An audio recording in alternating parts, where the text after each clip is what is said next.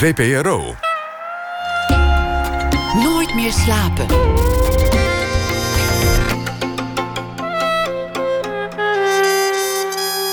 Met Pieter van der Wielen. Goedenacht en welkom bij Nooit meer slapen. Hij is al 400 jaar dood en volgens sommigen heeft hij zelfs nooit bestaan. Maar toch is Shakespeare nog steeds, ook in Nederland, de meest vertolkte toneelschrijver. We praten erover na één uur. Wat is toch de magie van Shakespeare? De winnaars van de Stimuleringsaward van de Amsterdamprijs voor de Kunsten komen op bezoek. Welmade Producties vanwege hun vertolking van A Raisin in the Sun. Een eh, baanbrekend Broadway-stuk uit 1959 over een eh, zwarte familie in Chicago werd opnieuw uitgevoerd in Nederland en won dus deze prijs. Don Duins is deze week onze vaste schrijver. U hoort hem ook na ene, maar we beginnen komend uur met Karine Westerveld. De Afrikaanse Droom is de titel van haar nieuwe boek. Ze is uh, sinds een week ongeveer terug in Nederland na een verblijf van zo'n zeven jaar in Nairobi. En uh, net nu is het spannend in Kenia, want de uitslag van de verkiezingen wordt betwist door de oppositie. Volgende week doet de Hoge Raad al daar uitspraak in die kwestie. Aan de hand van interviews en reportages beschrijft Westerveld in haar boek De Afrikaanse Droom, de opkomst van een nieuwe middenklasse in het Afrikaanse land en alle gevolgen die dat heeft. Er zijn veel risico's verbonden aan zo'n eh, project, het schrijven van zo'n boek. Namelijk clichés, karikaturen of wensdromen liggen op de loer. En Westerveld die weet ze allemaal zorgvuldig te omzeilen. Karin Westerveld. Geboren in 1979, ze studeerde ooit internationale betrekkingen. Ze werkte een tijdje bij Klingendaal. En ze heeft ook nog eh, bij de uitgeverij gewerkt in de literatuur. En ze schreef onder meer voor de Groene Amsterdammer. Karin, hartelijk welkom. Dankjewel. Je verhuisde naar dat land uh, ook een beetje vanwege de liefde, geloof ik, hè? Ja. Je, je, man kreeg daar een baan. Ja. En dan woon je ineens in Kenia. Wat was je eerste indruk? Hoe waren de eerste weken daar? Um, de eerste weken waren koud. Dat was niet meteen de associatie die ik bij Kenia had. Het was juni en dat is uh, eigenlijk het begin van de winter in Nairobi. En Nairobi is een stad die heel hoog ligt, op 1600 meter. Dus het is, uh, ik vergelijk het meestal een beetje met een Nederlandse zomer. Je hoeft nooit echt een jas aan daar en het is koud in, uh, in juni, juli en augustus. Dus ik zat daar. Um, ja, dan ga je beginnen met een nieuw leven uh, opbouwen. Ik was uh, zwanger van mijn eerste, onze eerste dochter. Dus ik zat ook een beetje te wachten op ehm, dat die baby, de baby geboren zou worden. En ik wilde graag um, gaan freelancen daar voor Nederlandse uitgeverijen. Maar ik wilde ook graag Nairobi leren kennen natuurlijk. Dus ik ging naar allerlei uh, literaire events en uh, naar. Uh, ik ging een beetje rondkijken in die stad, rondrijden. Om de weg te leren kennen, om die stad me een beetje eigen te maken. Waar hoopte je op? Want, want je hoopte iets te gaan doen met, met de literatuur. Wat, wat voor plan was dat aanvankelijk? Uh, mijn plan was eigenlijk om bij een Keniaanse uitgeverij te gaan werken wellicht. En ik had een ander idee om uh, een literair agentschap op te zetten. Uh, om Oost-Afrikaanse schrijvers te vertegenwoordigen in Nederland. Um, maar ik kwam er eigenlijk al snel achter dat er helemaal niet zo heel veel nieuwe uh, romans en poëzie werd geschreven in Kenia. Dus ik dacht eigenlijk van ja, dat is waarschijnlijk niet zo'n heel goed idee om dat te gaan doen. Je had gehoopt op, op veel uh, parels die erop zaten te wachten om vertaald te worden, maar dat viel eigenlijk een beetje tegen. Nou, ik weet niet of ik echt ook. Ik, het, was meer, het was een plan. Ik had verschillende plannen was ik aan het maken en het viel, dat viel inderdaad tegen. En sowieso is natuurlijk vertaalde literatuur uit uh, een land als Kenia niet heel makkelijk per se om in Nederland uh, aan de man te brengen. Uh, maar goed, dus dat was een van mijn ideeën. En ehm, ja, dus ik had, niet een, ik had nog niet een heel duidelijk beeld van wat ik daar precies wilde gaan doen. En hoe is het leven? Want je, je wilde Nairobi daar leren kennen. Ja. Kon je makkelijk integreren of zat je al snel in, in expat-kringen van mensen in een vergelijkbare situatie? Hoe was dat? Ja, je zit, je, daar, daar, zit je met, daar, daar land je eigenlijk in, in zo'n expat-setting. Um, er wonen heel veel Nederlanders in Kenia. Um, dus je zit ook al snel in een Nederlandse hoek. Um, en wat ik onder andere ging doen. Uh, uh, ik ging bij een literair festival werken als PR-adviseur. Ik had onder andere PR gedaan bij een uitgeverij in Nederland, bij uitgeverij Artemis. En um, dat uh, festival was het Story Moja Hay Festival. Het Hay Festival is een heel bekend uh, literair festival in de Engelssprekende wereld. En ik ging PR-advies aan hun geven. En dus ik zat daar op kantoor met allemaal Kenianen om me heen. En daar op die manier ja, leer je natuurlijk mensen kennen. En ik ging sowieso in die uitgeverwereld rondkijken, bij uitgeverijen praten... om eens een beetje te kijken wat er, uh, wat er gebeurde. Dus op die manier kwam ik ook eigenlijk uit die expat-setting... ehm, in een meer Keniaansere sfeer terecht. Je hebt, uh, je, je, hebt alle hoeken van de samenleving gezien, heel veel mensen gesproken. En, en, dat beschrijf je in het boek. Maar laten we beginnen met uh, de, de, actualiteit. Ja. Er zijn verkiezingen geweest en het was spannend. Ja. Er werd van tevoren een beetje met angst en beven over geschreven. Ja. Niet vanwege de vorige verkiezingen, maar vanwege de verkiezingen daarvoor. Ja. In, het, in het jaar 2007, tien jaar geleden. Want toen, toen pakte het heel lelijk uit. Ja. Wat is er toen Ja. gebeurd? Um, in 2007 toen um, was de zittende president Kibaki, uh, wat, wat oudere man al, uh, die was, werd, eigenlijk werd hij verslagen door Odinga, zijn uitdager. Uh, tenminste, dat daar leek het op. Um, bij de eerste voorspellingen leek Odinga te winnen. En toen uiteindelijk heeft Kibaki wel de, de, de winst, hoe noemen dat, de overwinning opgeëist. En vrij snel daarna zijn er toen uh, verschillende etnische groepen met elkaar gaan vechten. Verschillende tribes, of leden van verschillende tribes. Um, dat heeft ongeveer een maand, anderhalve maand, twee maanden geduurd. Uh, toen is uh, er een interventie gekomen. Kofi Annan is zich daarmee gaan bemoeien. En toen is er een overeenkomst gesloten tussen die twee partijen. Waarin Kibaki wel inderdaad president werd. En Odinga zijn tweede man. Dus er is een soort coalitieregering gesloten. Um, dat, dat werkte op zich wel, maar er was wel heel veel ressentiment bij die groep die Odinga vertegenwoordigde, de Luo's. Uh, en zij hoopte heel erg dat zij in 2013 een nieuwe kans eigenlijk zouden krijgen om ook een keer aan de macht te komen. En dan even als achtergrond moet je bedenken dat in Kenia de politiek eigenlijk heel erg tribaal is georganiseerd. Langs etnische lijnen. Langs etnische lijnen, ja. Dus je hebt. Uh, uh, het gaat veel minder over uh, een idee over wat voor maatschappij je wil of um, beleid. Maar het gaat heel erg over big men, dus belangrijke. Bij wie hoor je mannen, eigenlijk? Bij wie hoor je? Ja. Aan wiens kant sta je? Toen in 2007 is, het, is het niet helemaal vlekkeloos verlopen, Nee. de machtsoverdracht. Nee. Dat, dat, is een, uh, dat, is een, dat is een tijd flink in het nieuws geweest. Daarna hebben ze, hebben ze daarop gelet. Dit keer wordt de uitslag weer betwist. Want afgelopen augustus is er Ja. gestemd. Ja. Uh, Kenyatta, de zittende president, die heeft gewonnen. Ja. Volgens deze uitslag. Maar de oppositie is naar de, de rechter gegaan. En die zal volgende week, volgend weekend, uitspraak doen daarin. Ja, nou dat heeft ook weer een geschiedenis. Dus wat in 2013, bij die, volgende, bij die verkiezingen, was er heel veel spanning dat er weer gevochten zou worden. En eigenlijk was. Um, naar de hand kan je eigenlijk zeggen dat de vrede.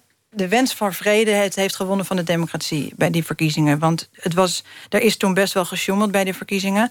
Odinga, dus de oppositieleider, is toen naar de rechter gestapt. Hij heeft gezegd: Ik ga sowieso naar de rechter als ik het er niet mee eens ben. En ik ga niet mensen oproepen om te gaan vechten. Dus het bewaren van de vrede is het allerbelangrijkst. En in die rechtszaak is hij niet succesvol geweest. Um, en deze keer heeft hij van tevoren gezegd: Ik ga niet naar de rechter. Ik heb geen vertrouwen meer in de rechtspraak. En dat was natuurlijk best een. Uh, dat, dat, dat zorgde voor spanningen natuurlijk, die, die uh, uitspraak. En gelukkig gaat hij nu wel, is hij nu wel naar de rechter gestapt, dus lijkt het rustig te blijven.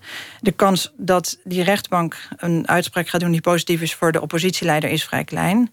Uh, ik denk dat de kans heel groot is dat, dat Kenyatta inderdaad uh, president, hij is nu. Want zo is het tot nu toe eigenlijk altijd gegaan. Ja, ja, ja. Nou ja, en het lijkt er ook op dat die aantijgingen die Odinga doet... dat er is gefraudeerd bij de verkiezingen... er zal vast wel ergens links en rechts... Hè, zullen er wel, wel, dingen niet helemaal um, goed zijn gegaan. Maar het lijkt er toch ook wel op dat Kenyatta ook echt heeft gewonnen. Dat, uh, dat gebeurt volgend week. En het zegt wel Ja. iets over, over het land. Ja. Kenia is een vrij onwaarschijnlijk land. Want, want op een zeker ogenblik geldt voor heel veel Afrikaanse landen... hebben de Ja. westerse mogendheden de kaart erbij gepakt... op de conferentie van Berlijn. Ja, En, en die hebben gewoon ja, lijnen getrokken. Ja. Ergens in de 19e eeuw. Ja. En, en een land gecreëerd... waarvan geen van de inwoners op voorhand had kunnen vermoeden... dat het een land zou zijn. ja. Dat zie je Ja. eigenlijk ook wel als je naar de kaart kijkt van Kenia. Ja. Namelijk vierkant land is het nog Langs, steeds. echt langs het lineaal getrokken. Tenminste, delen daarvan zijn inderdaad echt langs een lineaal getrokken. Ja. Wat, wat voor grenzen zie je als, als je als je niet naar de kaart kijkt? Um, Wat voor scheidslijnen? Waar, waarin valt het land? grote scheidslijn is Onder te de- verdelen. Ja. Ehm, nou ja, de- ik denk dat de belangrijkste scheidslijn de scheidslijn is tussen arm en rijk. Ehm, En uh, dan zijn de arme mensen natuurlijk ver in de, in de meerderheid in Kenia. En de rijke mensen, zijn er maar een paar. En daar begint nu dus die middenklassegroep, uh, die zit daartussen. Dat is ook vaak hoe ik uitleg als mensen aan mij vragen... waar gaat dat boek nou over? Ja, over de middenklasse, hoe moet ik me dat voorstellen? En dan zeg ik uit van het zijn niet de hele arme mensen... het zijn niet de hele rijke mensen... het zijn eigenlijk de mensen die daartussenin zitten. Uh, dus dat is een hele duidelijke scheidslijn in, in Kenia... en in veel andere Afrikaanse landen natuurlijk ook. En andere scheidslijnen zijn de scheidslijnen tussen die verschillende tribes of die verschillende etnische groepen. Um, en dat zijn ook mentale scheidslijnen natuurlijk. Uh, maar goed, dat is misschien maar, te bereden. Arm en ja. Rijk was, was traditioneel ook uh, regionaal verdeeld.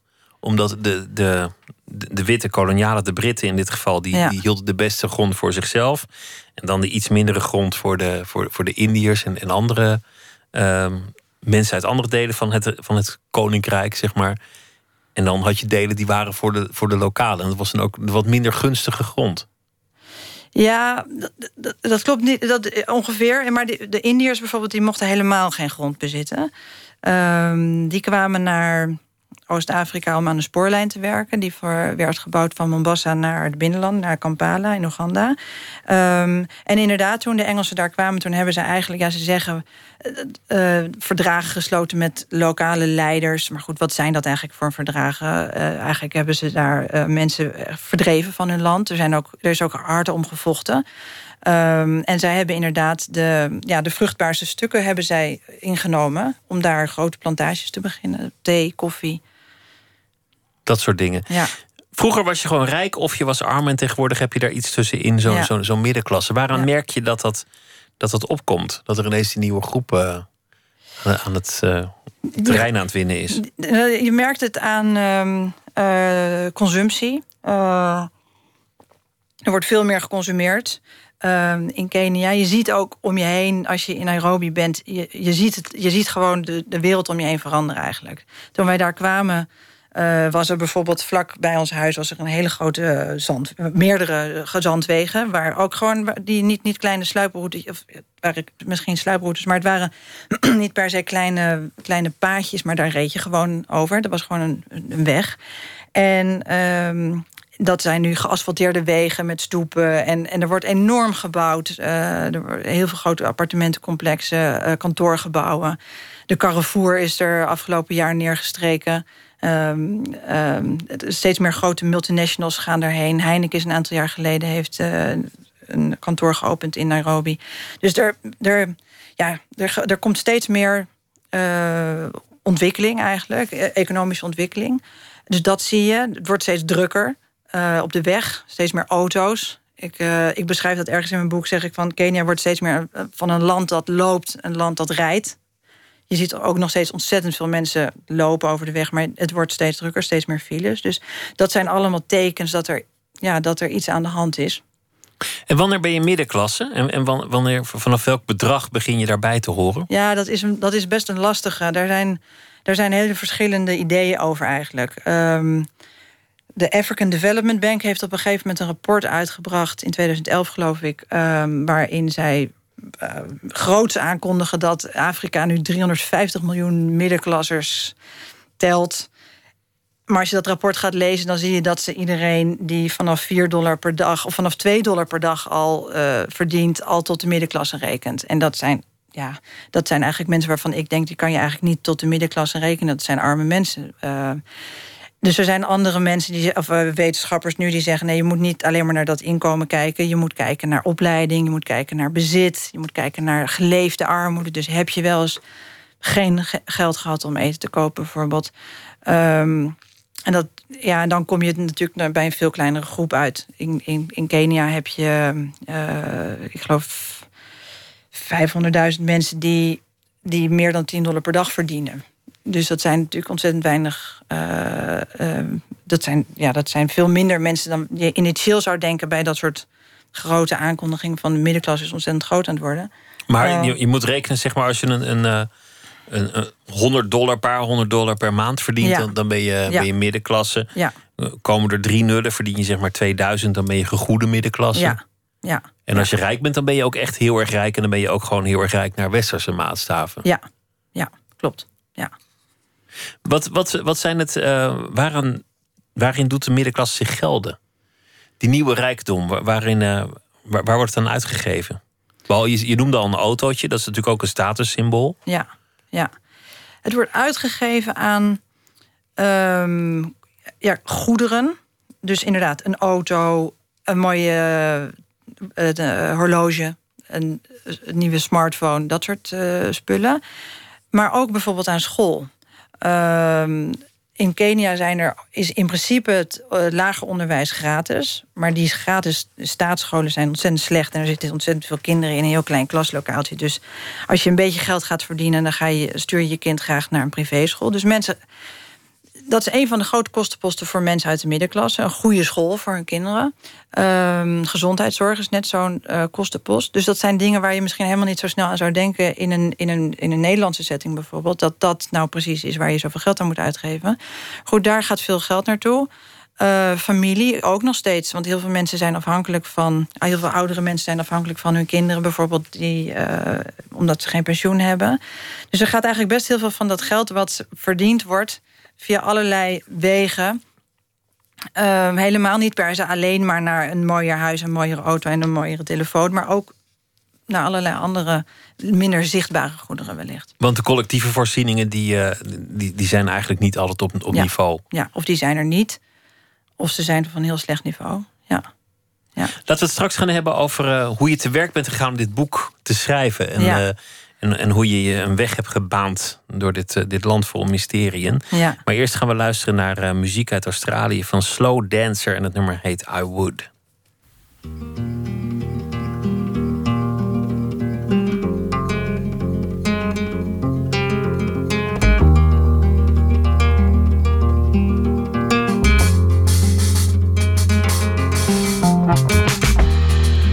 I was quite an unbeliever, so I knew never meant to be all mine and no one else's. And you'd already sussed it out, so you knew we weren't ever in control. I just never thought that I could be so helpless. But you know, oh, honey, you know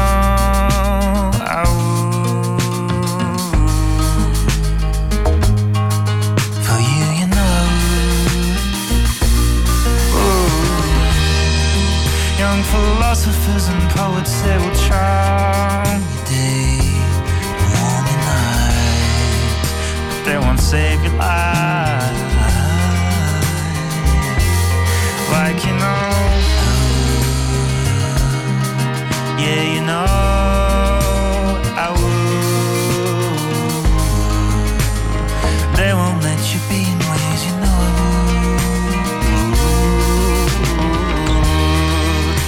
All the others went and bought the cars and built their houses, but I think we make for better dancers.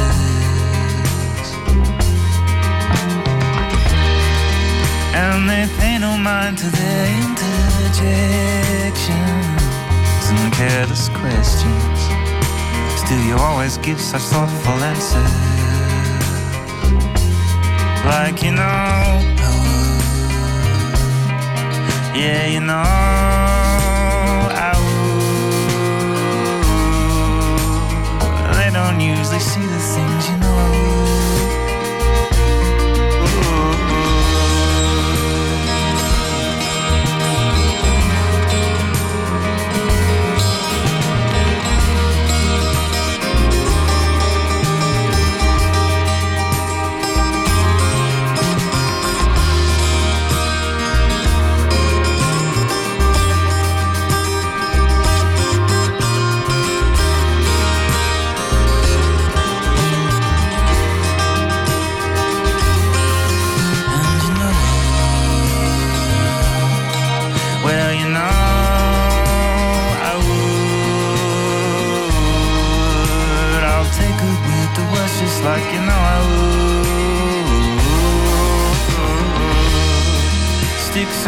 bones will break my bones, but your words simply destroy me. But I'll have to just rebuild myself,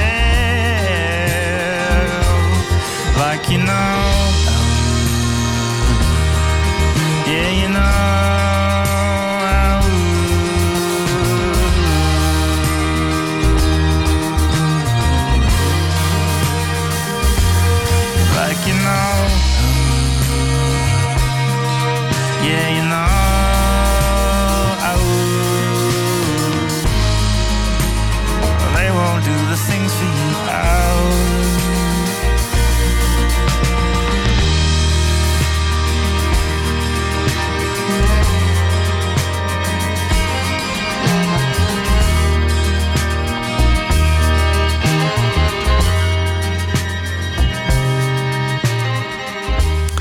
Slow Dancer, dat is de Australische zanger Simon Oakley. En uh, dit nummer komt van het uh, nieuwe album In a Mood.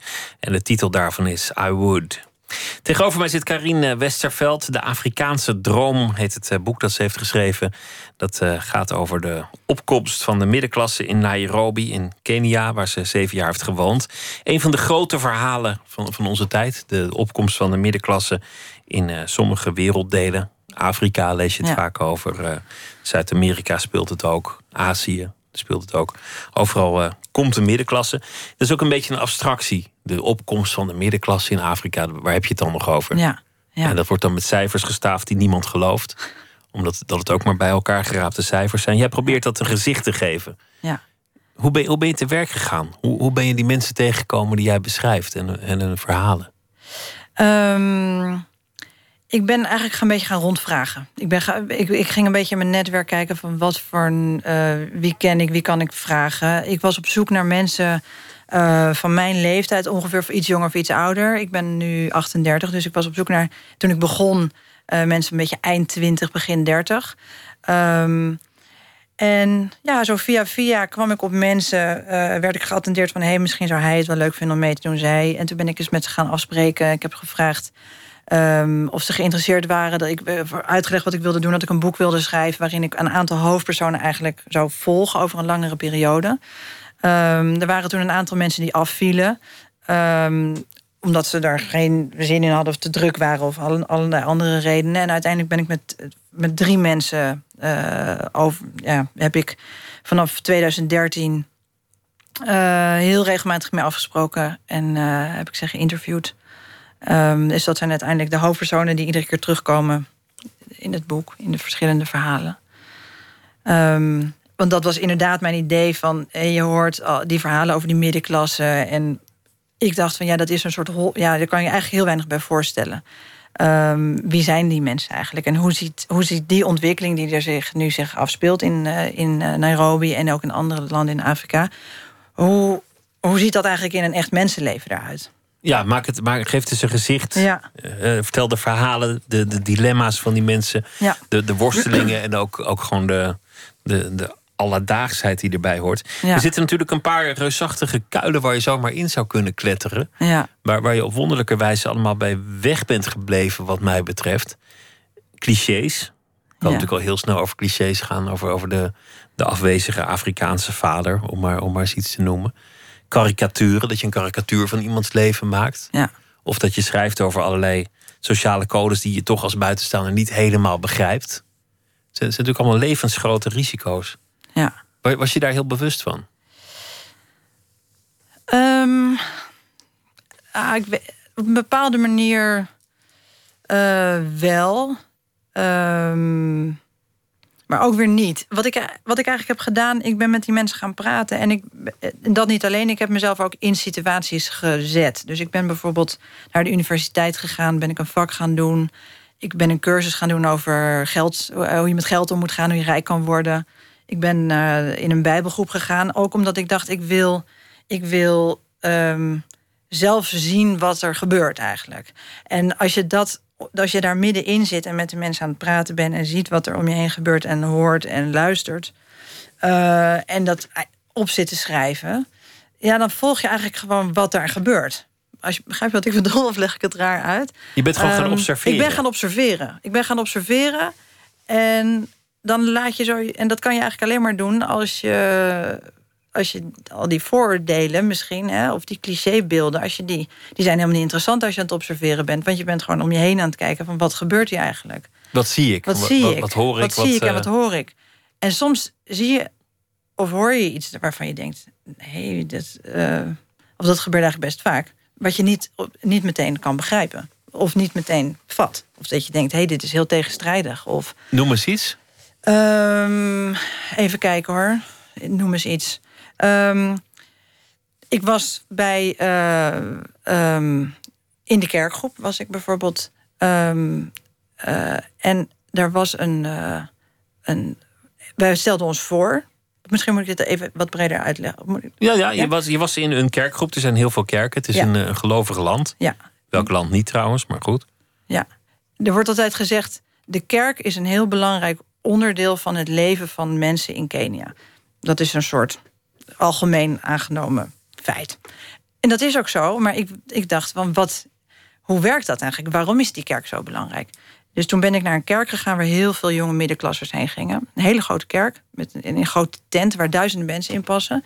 Heel, eh, het was een soort event eigenlijk, een gospelband op, op het podium en snel, en flitsend en ehm, en die, dat soort kerken hebben kleinere groepjes. En in zo'n kleiner groepje ga je eigenlijk terug naar je christelijke roots. Dat is het idee. Ehm, dus ik ging in zo'n groep. En daar was een voorstelrondje aan het begin. En toen vertelde één meisje eh, dat zij als jong meisje, of een vrouw, dat zij als meisje van 18 net ging studeren in eh, Nairobi. En dat ze een vriendje kreeg. En op dat moment begon iedereen al te lachen. Dat ze dat aan het vertellen was. En toen vertelde ze dat ze op een gegeven moment vrij snel zwanger werd van die jongen. En iedereen zat maar te lachen. Eh, niet keihard te schateren, maar gewoon te grinniken. En toen eh, vertelde ze dat, hoe verschrikkelijk dat, wat voor een drama dat in haar leven was. Want ze was ontzettend eh, braaf eigenlijk altijd en werkte heel hard, de oudste dochter. En ze vertelde dus dat ze naar haar ouders moest om aan hen te gaan vertellen wat er met haar was gebeurd. En ze zei: Ik begreep absoluut niet ehm, dat dit met mij gebeurde. Want ik wist gewoon niet hoe. Waar, weet je, ik wist niet hoe ik zwanger was geworden eigenlijk. Of hoe dat werkte. Ze wist niks van seks.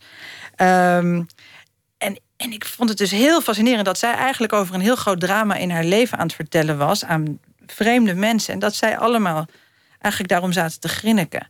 En ehm, ja, dan kan je natuurlijk aan de ene kant denken: wat, wat, een, wat een asociale reactie van die mensen. Hè, dat zij haar hart opent en dat die mensen erom zitten te lachen. Aan de andere kant dacht ik: ja, uh, dat heeft helemaal geen zin als ik dat nu denk. Ik moet maar gewoon rustig luisteren en mijn mond houden en verder kijken wat hier om me heen gebeurt. En dan misschien dat ik uiteindelijk um, daar wel mijn vinger op kan leggen van wat, wat dat nou is.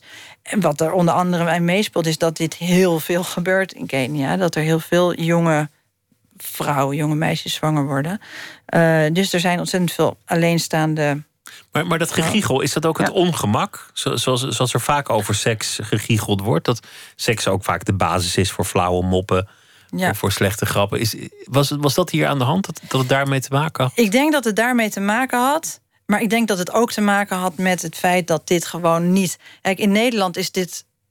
Uh, nee, ik hoef het helemaal niet trouwens met Nederland te vergelijken. Het is iets wat best vaak gebeurt.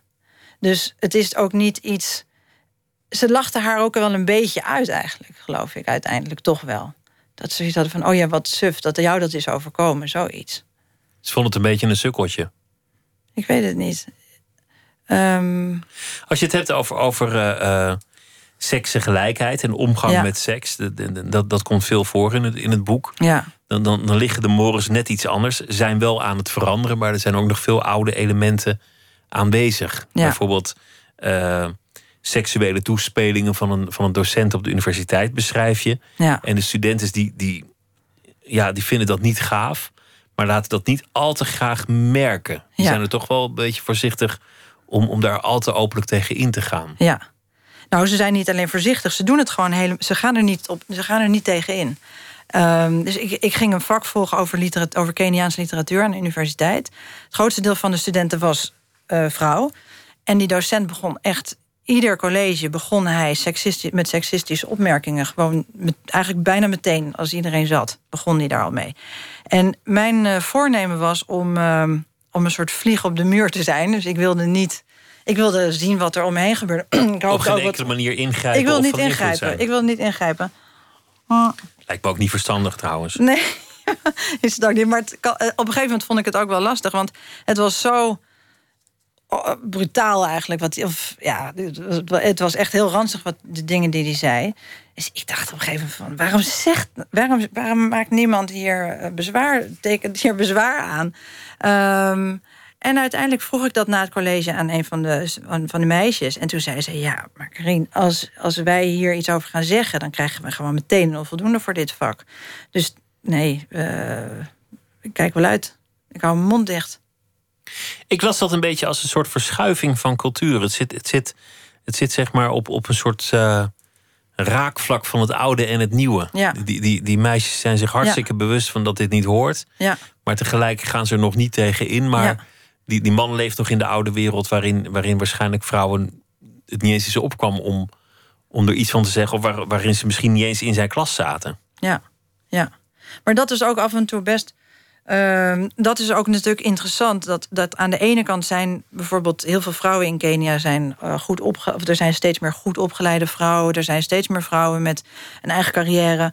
Ehm, die ehm, voor zichzelf kunnen zorgen. Die, geen, die niet afhankelijk zijn, financieel afhankelijk zijn van een man. Carrièrevrouwen. Aan de andere kant zie je dus inderdaad dat er nog allerlei structuren heel sterk aanwezig zijn. eh, waarin die vrouwen eh, nog precies zo behandeld worden als een hele tijd terug. En, ehm, en dat levert ook heel veel spanningen op. eh, in relaties bijvoorbeeld. Een van de grote strijdpunten is die vrouwen die ook alpha-females worden genoemd. En dat is niet een positieve eh, benadering. Hè? Dus vrouwen die te zelfstandig gevonden worden. En dat wekt heel veel spanningen op, omdat heel veel mannen eigenlijk. Die, kunnen daar, die, kun, die kunnen daar eigenlijk niet zoveel mee. Die willen heel graag een vrouw. En dat noemen ze dan een traditionele Afrikaanse of een goede Afrikaanse vrouw. Die thuis voor ze kookt en ehm, de, de overhemden strijkt. En Je beschrijft ook bij, bij een van die vrouwen dat dat is wat de familie wil. Je, je kunt wel een, een studie afronden en een carrière maken, Ja. maar in de, in de ogen van de familie ben je pas geslaagd wanneer je, wanneer je kinderen baart ja, ja, ja, en, en een gezin eh, verzorgt. ja. Dat is, dat is natuurlijk wel een belangrijk gegeven. Je kunt, je kunt wel succes nastreven volgens de ene definitie. Maar als de mensen die voor jou belangrijk zijn de andere aanhangen, dan ben je nog steeds onsuccesvol. Ja, ja. Maar dat is ook. ehm, eh, ja, het succes is niet alleen maar maatschappij. Of, eh, je, je- succes wordt niet per se gedefinieerd in een goede baan hebben. Het, het gaat heel, eh, dat sociale, dat gezinsaspect is ontzettend belangrijk. Dat is hier ook zo trouwens. Ja, Dat is, dat is in, in heel veel landen het geval. ja, De, de nieuwe klasse wil ook laten zien dat je, dat je het gemaakt hebt. Je wil, je wil ook laten zien dat je, dat je geld hebt. Ja. Ook als het strikt genomen helemaal niet zo is. Je, be- Ja. je beschrijft de schuldenproblematiek van mensen die mee willen komen met hun, met hun oude ja, eh, maatjes. En, en dan ook een, een telefoon willen kopen of een autootje of, eh, of, of mooie kleren of mooie schoenen of, of sieraden of wat dan ook. En de schulden nemen enorm toe ja. Met de middenklasse. Ja, nou wat er heel erg wat er gebeurt is dat mensen die werken heel erg hard om een bepaald sociaal nive- economisch niveau te, te, te krijgen om, om, om meer geld te kunnen besteden. En, uit, en tegelijkertijd eh, gaan ze dan bijvoorbeeld gaan mensen in een huis wonen wat eigenlijk net wat te duur is, om, maar omdat het heel belangrijk is om in een bepaalde wijk te wonen, bijvoorbeeld. Eh, ze gaan hun kinderen naar school sturen die ook net wat boven hun budget is, waardoor uiteindelijk ze soms zelfs een korte lening, kleine leningen afsluiten om ehm, eten te kopen, soms zelfs. Eh, of inderdaad een, een consumptiegoed, zoals een horloge of een, eh, of een auto. Ehm, dus dat, dat de, de, de welvaart creëert ook weer extra druk eigenlijk uiteindelijk. Omdat je dan een bepaalde levensstijl wil behouden. Ook omdat het, als je dat niet meer kan, als je, als je, als je niet meer eh, die levensstijl kan financieren, dan zak je ook eigenlijk een beetje weg in je sociale cirkel. Dus als je niet meer kan veroorloven om bijvoorbeeld bij, in een bepaald restaurant te kunnen eten of eh, naar bepaalde plekken te gaan, en je vrienden gaan er allemaal wel naartoe, dan verlies je op een gegeven moment ook die vrienden, omdat je omdat je niet meer dat bij kan benen. Dus daarom is dat ook. ehm, ehm, ja, daarom steken mensen zich dus ook echt in de schulden om dat maar vast te kunnen houden. Volgens mij is het ook zo gegaan eh, hier in Europa en in, in, in de Verenigde Staten. Na- Naarmate de middenklasse rijker werd, kregen ze ook steeds meer schulden. Ja, Omdat iedereen eh, toch met de Ja. buren mee wil in het, eh, in het aanschaffen van, van iets moois. Ja. De kerk vraagt ook altijd veel geld. De, Ja. de, de- het kerkenzakje is, is diep ja, en, en moet altijd gevuld. 10% van je inkomen ja. is bij sommige kerken een norm. Nou, dat is de norm. Dus de algemeen geldende norm. Ja, ja, Dat is veel voor, voor een kerk. ja, ja, Dat is, dat is iets anders dan een, dan een eurotje op zondag. ja, ja. Nee, dat is, en dat, wordt- dat is bloedserieus. Dat staat op de website van de kerk. Hoeveel moet ik nou een tiende betalen over mijn bruto of over mijn netto salaris? Ja, over het hele salaris. Wat, wat doet de kerk met dat geld? Ehm, ja, wat doet de kerk met dat geld? Dat gaat vooral naar de dominees, naar de pastoors. Die worden ook wel eh, religious entrepreneurs genoemd. Door, er is een bekende ehm, eh, religie, religiewetenschapper die die term heeft verzonnen. Dus dat zijn, dat zijn mensen die, die zetten een kerk op... en die zijn ook de dominee van die kerk. En dat, die, ja, zo'n kerk is, een, is, is hun is hun, hun zaak, dat is hun onderneming. Daar, daar verdienen zij geld mee. Terwijl jij daar was, eh, veranderden er ook andere dingen. Dit gaat echt over, over de economie en de, de middenklasse en over, over de mensen. Ja, Ehm, in 2013 vond die, die reusachtige aanslag op, eh, op de shoppingmall plaats in, Ja. het, in het eh, westen van Nairobi. ja, Een, een centrale plek waar jij ook regelmatig kwam. ja. Waar islamitische fundamentalisten om zich heen schoten en belegerd werden. En een ontzettend gruwelijke gebeurtenis. Wat, wat heeft dat veranderd? Ehm, wat dat voor mij persoonlijk heeft veranderd? Ja. Of voor. Ja, ehm, nou, je wordt heel erg. Het is heel confronterend als zoiets gebeurt. Eh, op, op een plek waar je bijna wekelijks komt, waar heel veel van je vrienden komen. Eh, wat ook een hele belangrijke plek is in een stad eigenlijk, omdat er. ehm, eh, ja, het, het- een groot deel van. Of dat, dat is waar mensen. Mensen gaan naar die grote malls om boodschappen te doen, om uit eten te gaan, et cetera. Dus als je je daar niet meer veilig voelt op zo'n plek. Ja, dat is natuurlijk een enorme inbreuk op, je, op, op het leven wat je hebt. Eh, het zorgt voor heel veel angst. Het is niet zo dat je. In, kijk, in zo'n stad als Nairobi zijn er een aantal plekken waar bijvoorbeeld veel mensen komen die geld verdienen, ook veel expats komen. Dat zijn maar een aantal plekken. En dat zijn, ja, dus daar voel je heel erg onveilig door. Het heeft voor mij op een bepaalde manier ook mijn blik eh, over Kenia, denk ik, wel veranderd. Of het, ehm, in het begin keek ik heel erg naar de. Ja, wat gebeurt hier allemaal? Het spannend, het beweegt enorm. ehm, er wordt gebouwd. Weet je, het is een land wat heel erg in beweging is. En dat is natuurlijk nog steeds zo. Alleen dit is een heel ander, ander, andere kant van wat er ook in Kenia gebeurt. En je zag bijvoorbeeld ook hoe erop werd gereageerd eh, vanuit de overheid. Dat je ineens denkt, jeetje, ehm er waren allerlei militairen eh, in die mol... die op elkaar begonnen te schieten. eh, die daar de boel hebben leeggeroofd... toen die terroristen al lang weg of dood waren. En dan ga je eigenlijk nog onveiliger voelen. Want dan denk je, ja, het, het functioneert hier helemaal niet goed. En voor mij als, ehm, als, als passant eigenlijk uiteindelijk... want ik was nooit van plan om altijd in Kenia te blijven... eh, kan, ik kan dan nog zeggen van, goh, ik ga... Wil ik, ik, kan de, ik kan de keuze maken, wil ik hier wel of niet wonen in deze nieuwe situatie. Maar voor, voor mensen die daar, voor Kenianen, is dat natuurlijk heel anders. En eh, daardoor ga je nog wel eens extra realiseren hoe vast je ook kan zitten op een bepaalde manier in zo'n land met een overheid die eigenlijk helemaal niet functioneert.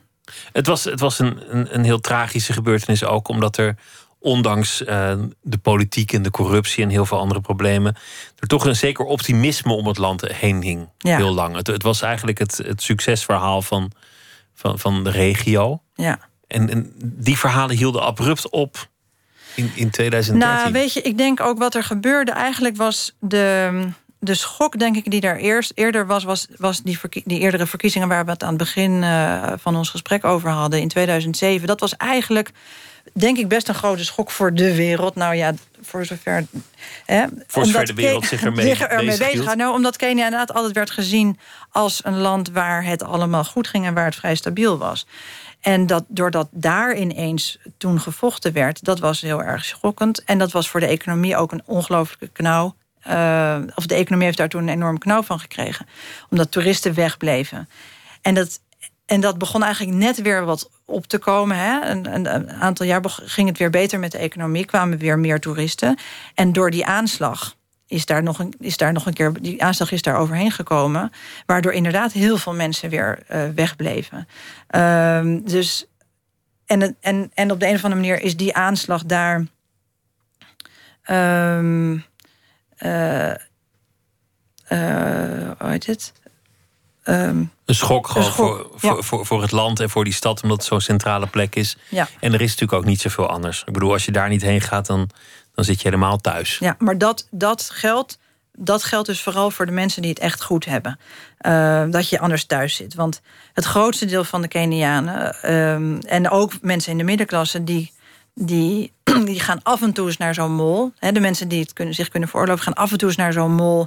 om dan uh, een keer boodschappen te doen in zo'n grote supermarkt. Maar meestal kopen zij ook wel hun producten op een lokale markt, uh, kleinere markten in de rest van de stad. Zodoende. We, we gaan het ook hebben over, over de rest van je werkende leven en hoe het, uh, hoe, hoe het nu toch in godsnaam verder moet. maar we gaan eerst luisteren naar iets uit Nieuw-Zeeland van Yumi Suma en het nummer heet December.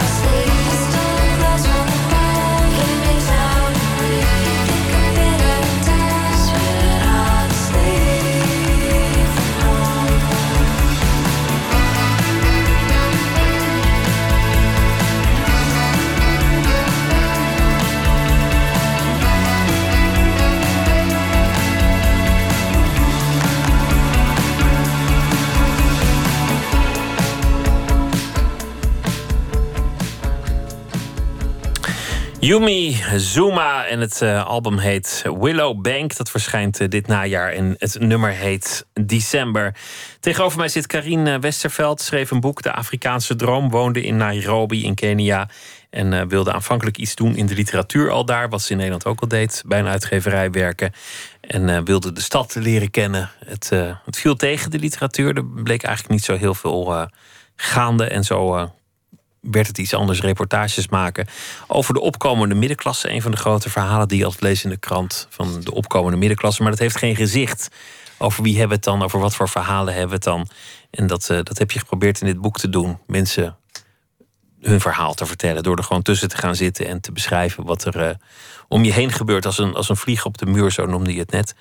En dan is de volgende vraag: wat gaat er nu gebeuren? Worden ze een machtsfactor? Gaan ze het land veranderen? Gaan ze de corruptie bestrijden? Het politieke systeem hervormen? Worden ze de, de dragende factor van het land? Of toch niet? Blijft alles hetzelfde? Dat is eigenlijk ook de onderliggende vraag een beetje in het, in het boek. Wat is de volgende stap? Ja, wat is de volgende stap? Ja, dat is een van de, van de, van de dingen die, van, die ik probeerde uit te zoeken. Ik. ik um, zij, zij, zij, zijn nog niet de grote drijvende factor achter verandering. Um, dat, dat zie je nu ook bij deze verkiezingen bijvoorbeeld. Politieke partijen zijn uh, gevormd rond, rond etnische groepen. En er is eigenlijk niet iets als een middenklasse partij bijvoorbeeld. Bij de vorige verkiezingen was er één kandidaat die echt werd gezien als de kandidaat van de middenklasse, een presidentskandidaat. Die heeft uiteindelijk heel weinig stemmen gekregen.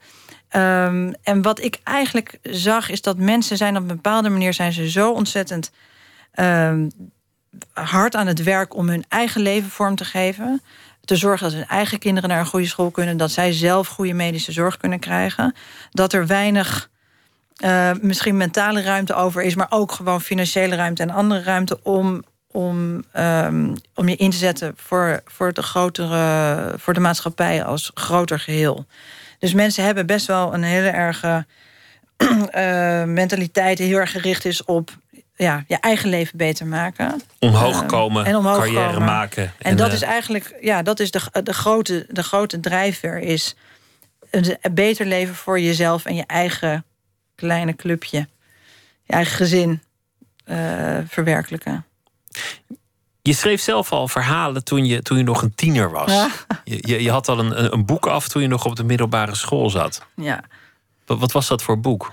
Nou, ik zat op de school waar ik op zat, daar kon je, mocht je in het, uh, in het laatste jaar uh, een eindwerkstuk maken. Dus dat mocht een heel groot werkstuk moest dat zijn en dat kon overal over gaan. En ik wilde altijd, ik vond schrijven ontzettend leuk, dus ik dacht, ik ga nu, ik ga een boek schrijven.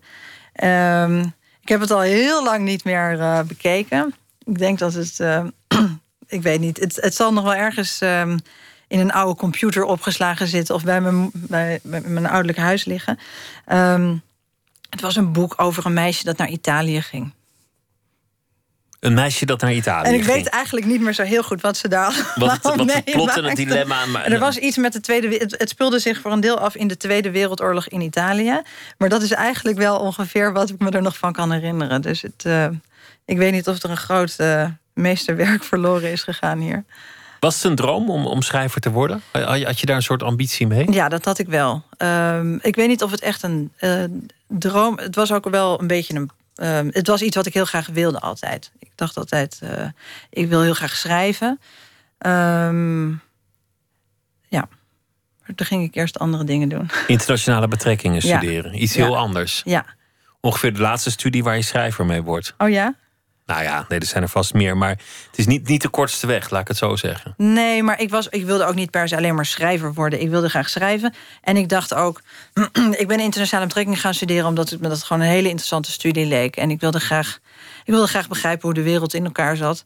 Um, en daar kan je natuurlijk van allerlei studies geschiedenis of je kan meer je op de mensenrechten psychologie gaan studeren. Heb ik ook allemaal overwogen. Uiteindelijk werd het internationale betrekkingen. Um, en ik dacht ook van je kan, je kan altijd gaan schrijven op een gegeven moment naast een baan bijvoorbeeld. Kan je in de avonduren. Je kwam terecht op het uh, instituut Klingendaal, daar kwam ja. je te werken, maar, maar Ja. toch bleef die literatuur trekken. Ja, En, en je hebt dus ook weer gewerkt bij, bij uitgeverijen. Ja. Wat weer iets totaal anders is. Dus, dus dat, dat bleef op op de een of andere manier toch een soort worsteling, lijkt het. Nou, nee, het was niet een worsteling. Het was. ehm, bij Klingendaal kwam ik eigenlijk terecht vanuit mijn studie. Ging ik daar stage lopen. Toen bleef ik daar nog een jaar om eh, een zwangerschapsverlof te vervangen. Ehm, en daarna ging ik op zoek naar iets anders. En ik wilde heel graag wel. ehm, de uitgeverijwereld trok mij heel erg. Omdat het aan de ene kant is het, is het commercieel. Hè? Je wil boeken verkopen. Je wil mooie, mooie boeken maken, mooie boeken verkopen. En aan de andere kant heb je die inhoud. Die vaak interessant is. Tenminste, als je bij een leuke uitgeverij werkt, dan is die inhoud interessant. En dat trok mij heel erg. Ehm, dus het, maar ik heb dat nooit echt als een worsteling gezien, maar meer als een, als, als een, ehm, ja, zo- een plan maken van hoe, hoe, kom ik nou, hoe kom ik nou van Klingendaal bijvoorbeeld bij zo'n uitgeverij terecht. Of ehm, eh, ja, Je haalt ook veel literatuur aan in het boek. ja, Omdat dat literatuur toch wat niet zichtbaar is, zichtbaar maakt. ja, Wat niet uitgesproken is, wordt wel uitgesproken in, in de fictie. ja, ja. Is, is dat wat je aan literatuur fascineert, het onzichtbare?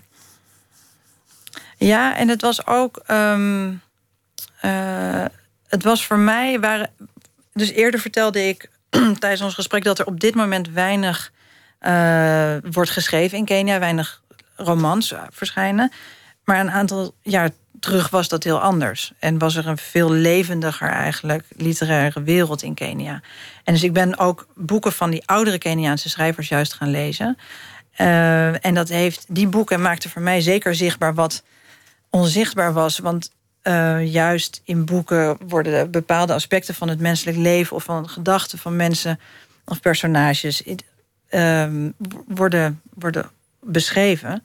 ehm, die, je niet zo die ik niet zo makkelijk vanuit mijn eh, plek in Nairobi, waar ik eh, zat, eh, waar ik niet zo makkelijk toegang tot had. Tot het gevoelsleven van een vrouw in de jaren 50 die als jong meisje naar, naar Nairobi gaat, waar ze is getrouwd met een man die ze eigenlijk nauwelijks kent. Daar, dat, dat, ja, hoe, hoe, hoe vind je daar toegang toe zonder, zonder een boek bijvoorbeeld? Ehm, of je moet nou net zo'n oude dame nog tegenkomen die dat allemaal aan je wil vertellen. Maar dat, nou, dus dat soort boeken heb ik veel gelezen van oudere Keniaanse schrijvers. Om op een bepaalde manier een soort toegang te krijgen tot een oudere wereld. En tot de moraal, tot de, tot de zeden en gewoonten. Ja. En, en eh, tot de diepere laag van de cultuur. Is dat iets dat je zelf zou willen? Literair schrijven, nu nog, op dit moment? Ehm, niet per se, nee. Ik geloof dat ik met non-fictie wel echt een eh, genre heb wat me heel erg aanspreekt. Waar ik me heel erg in. Ik voel me er heel erg in thuis eigenlijk. Ehm, ook omdat ik namelijk denk dat de, wereld, de, wereld, ja, de wereld om je heen is zo wonderbaarlijk en interessant. Daar kan je enorm veel verhalen uit putten of uithalen. Ehm, dus dat zou ik wel graag willen. Ik zou wel graag verder willen met het schrijven, zeker. Ehm, niet noodzakelijkerwijs een roman, maar ik zit eerder te denken aan een andere eh, non-fictie Maar je, je bent pas, ik geloof, één of twee weken terug in ja, Nederland. ietsje langer, een paar weken. Ja, Een paar weken. Ja. En, en Ja. hoe is dat om, om hier weer te zijn? heel fijn is het. Het klinkt bijna als een opluchting. Nee dat, is, nee, dat is niet een opluchting, maar het is wel heel fijn. Ik had, ja, je weet, eh, ik heb ook vrienden die terug zijn gegaan die het heel lastig vonden of die, eh, die er helemaal niet zo positief over waren. Ik, ik vind het heel fijn om terug te zijn. Ik heb, het, eh, ik heb daar ook een hele goede tijd gehad eh, in Nairobi. Maar nu ben ik heel erg blij in, de, de, in Nederland. De, openheid, het licht. ehm, dat je overal gewoon in winkels naar binnen kan lopen... zonder dat er allerlei bewakers in je tassen gaan zitten loeren. Eh, gewoon dat je over straat loopt, winkel in winkel uit... op de fiets stapt. Ehm, dat zijn dingen waar ik echt heel blij van word. Ik ben heel benieuwd het je verder zal vergaan. En ik ben ook, ook heel nieuwsgierig naar, naar de toekomst van eh, wat jij noemt de Afrikaanse droom. Ja, Hoe, hoe dat bijvoorbeeld met, met klimaatverandering zou gaan. Als het, als het steeds warmer en droger wordt. ja, Als, als we nu al verhalen lezen over Italië, waar het, eh, waar het maar niet regent. ja. Hoe het dan, hoe het dan eigenlijk moet met die, met die Afrikaanse middenklasse. Als, als het daar gewoon eh, waarschijnlijk helemaal weg, eh, wegschroeit. ja. Op, op Nou ja, door zulke soort, zulke soort processen als klimaatveranderingen worden, worden bepaalde spanningen die er in dit soort landen zijn, worden natuurlijk alleen maar eh, sterker. Ehm, eh, waar schaarste is, en dat kan schaarste op heel veel verschillende manieren natuurlijk zijn, eh, krijg je spanningen. Ehm, en klimaatverandering zal daar niet. ik bedoel, speelt daar ook natuurlijk een grote rol in. Is een van de vele, vele verhalen die daar spelen. Ik ben benieuwd wat je verder uh, gaat doen. Het, het, boek heet uh, De Afrikaanse Droom over de opkomst van de, midden, of de opkomende middenklasse in Nairobi. Karin Westerveld, dank je wel dat je te gast wilde zijn. En heel veel succes met uh, alle volgende avonturen. Dank je wel. Zometeen in Nooit meer slapen zal eh, Don Duins een verhaal voordragen. Hij is eh, deze week onze vaste schrijver. En schrijft elke dag een verhaal bij de dag die achter ons ligt. En dat zal hij eh, zometeen voordragen. We gaan het hebben over de Shakespeare-manie die al 400 jaar aan de gang is. Wat is dat toch dat mensen altijd terug blijven komen bij de teksten van Shakespeare? En wie was Shakespeare eigenlijk? En zometeen komt ook de winnaar langs van de Amsterdamprijs voor de kunst. In de categorie Stimuleringsprijs is die eh, gegaan naar Well Made Productions vanwege hun voorstelling Racing in the Sun. Twitter, het VPRO NMS. En we zitten ook op uh, Facebook. En u kunt zich ook abonneren op de podcast met alle oude afleveringen nog terug te luisteren. Dat doet u via de site van de VPRO, vpro.nl slash nooit meer slapen. Of u gaat naar iTunes en dan moet je daar een beetje rondscrollen en dan kom je het vast ook wel tegen. En dan kunt u zich uh, abonneren op die podcast. Zometeen gaan we verder met Nooit meer slapen.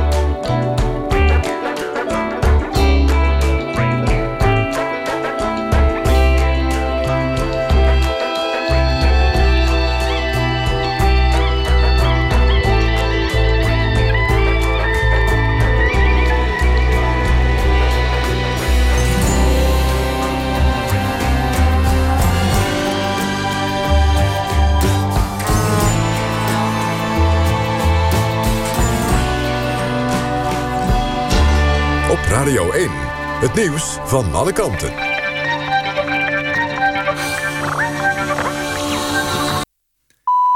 1 uur, Ewout de Jong met het NOS-journaal. In het centrum van Rome zijn rellen uitgebroken... na de ontruiming van een kantoorgebouw. Het gebouw was bezet door een groep van zo'n 800 migranten. Volgens de politie zijn zeker twee mensen aangehouden... en zijn 13 mensen gewond geraakt. Een deel van de groep migranten was na de ontruiming naar een plein gegaan... vlakbij het Centraal Station van Rome. Toen de politie begon met het ontruimen van het plein... begon een aantal migranten met stenen en gasflessen te gooien. De politie zette waterkanonnen in om de groep te verjagen. In Venezuela is een Colombiaanse tv-zender van de kabel gehaald. Volgens president Maduro verspreiden buitenlandse media... waaronder die zender, valse informatie. Het gebeurt volgens Maduro als voorbereiding op een Amerikaanse invasie. Eerder al werd in Venezuela de doorgifte van andere buitenlandse tv-zenders verboden... en kregen kritische binnenlandse tv-zenders geen vergunning meer. In Brazilië is een veerboot gekapseist nadat hij op een rif was gelopen. Dat gebeurde in de deelstad Bahia. Het schip had 129 mensen aan boord. Zeker 22 opvarenden zijn omgekomen. Het is de tweede scheepsramp in Brazilië deze week. Dinsdag sloeg in de deelstaat Para een boot om met, naar nu blijkt, 49 mensen aan boord. Zeker 21 opvarenden kwamen om het leven. De man die wordt verdacht van het misbruiken van twee zusjes in de beeld... heeft in zijn cel een zelfmoordpoging gedaan. Hij ligt in het ziekenhuis. De 27-jarige man werd vorige week zondag opgepakt... op verdenking van ontucht met de twee zusjes... in de buitenschoolse opvang waar hij werkte. Nadat zijn arrestatie bekend was geworden... zijn er nog meer aangiftes gedaan. Het weer, vrijwel overal droog, met vannacht opklaringen... en kans op mistbanken bij 10 tot 14 graden. Overdag rustig zomerweer met een middagtemperatuur... tussen 22 en 25 graden. Later in het zuiden kans op een bui. In het weekend wordt het 23 tot 27 graden... met afwisselend zon en wolken en vooral zaterdag een bui. Dit was het NOS Journaal. NPO Radio 1. VPRO. Nooit meer slapen.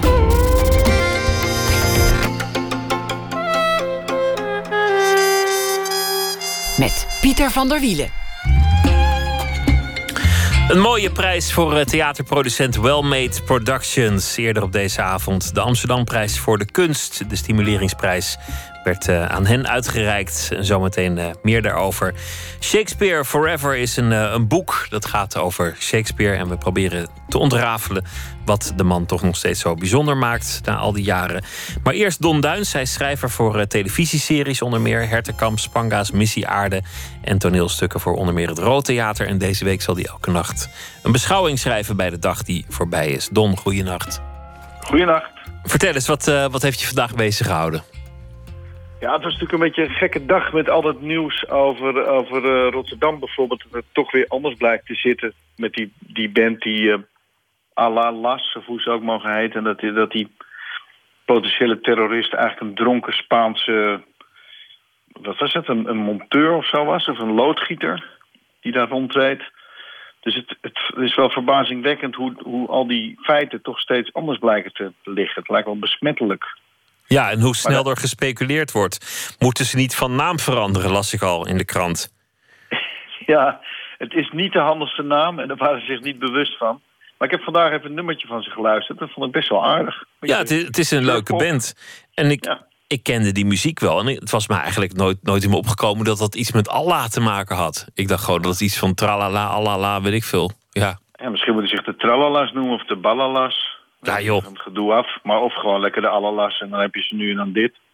Maar goed, er was dus eigenlijk niet zoveel aan de hand. Nee. Um, dus daar heb ik niet over geschreven. Waar heb je dan wel over geschreven? Mijn verhaal heet Duikboot.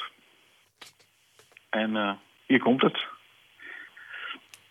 Er zijn twee manieren om dit verhaal te vertellen. De eerste manier is de gebeurtenis te brengen als een soort waargebeurde Scandinavische thriller waarbij een eenzame wandelaar een lijk of een deel daarvan op een verlaten plek vindt. In dit geval een romp aan de kust van Kopenhagen.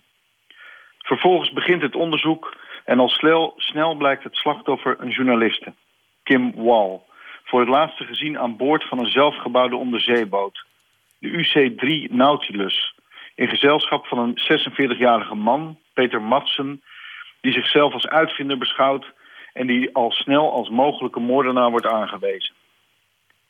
De andere manier om over deze gruwelijke gebeurtenis te berichten... is door het slachtoffer te beschouwen als een mens. Niet louter als een sensationele krantenkop of een speculatief cursiefje. Want Kim Wal was veel meer dan het slachtoffer waar ze nu tot gereduceerd wordt.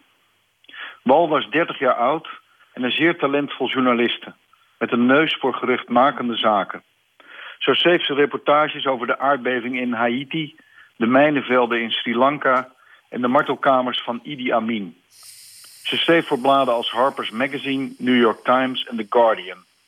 Door haar vrienden wordt ze omschreven als een badass. Zelf schreef ze op haar Twitter-account... I write about hackers, hustlers, voodoo, vampires, Chinatowns, atomic bombs, feminism. Barry Jenkins, de maker van de prachtfilm Moonlight zei over haar... Man, so very sad about Kim Wall. She was a fantastic journalist. Read her Cuba piece this summer. Als je het artikel leest dat Jenkins in een linkje geeft... zie je hoe raak en mooi Wall kon schrijven. Na het fataal afgelopen tripje met de onderzeeboot... zou Kim Wall naar Peking gaan... om daar te gaan werken met een vriend, de fotograaf Jan Kong. Had al diverse plannen voor projecten. Onder andere een artikel over Chinese vrouwen die richting feminisme gaan, schoorvoetend.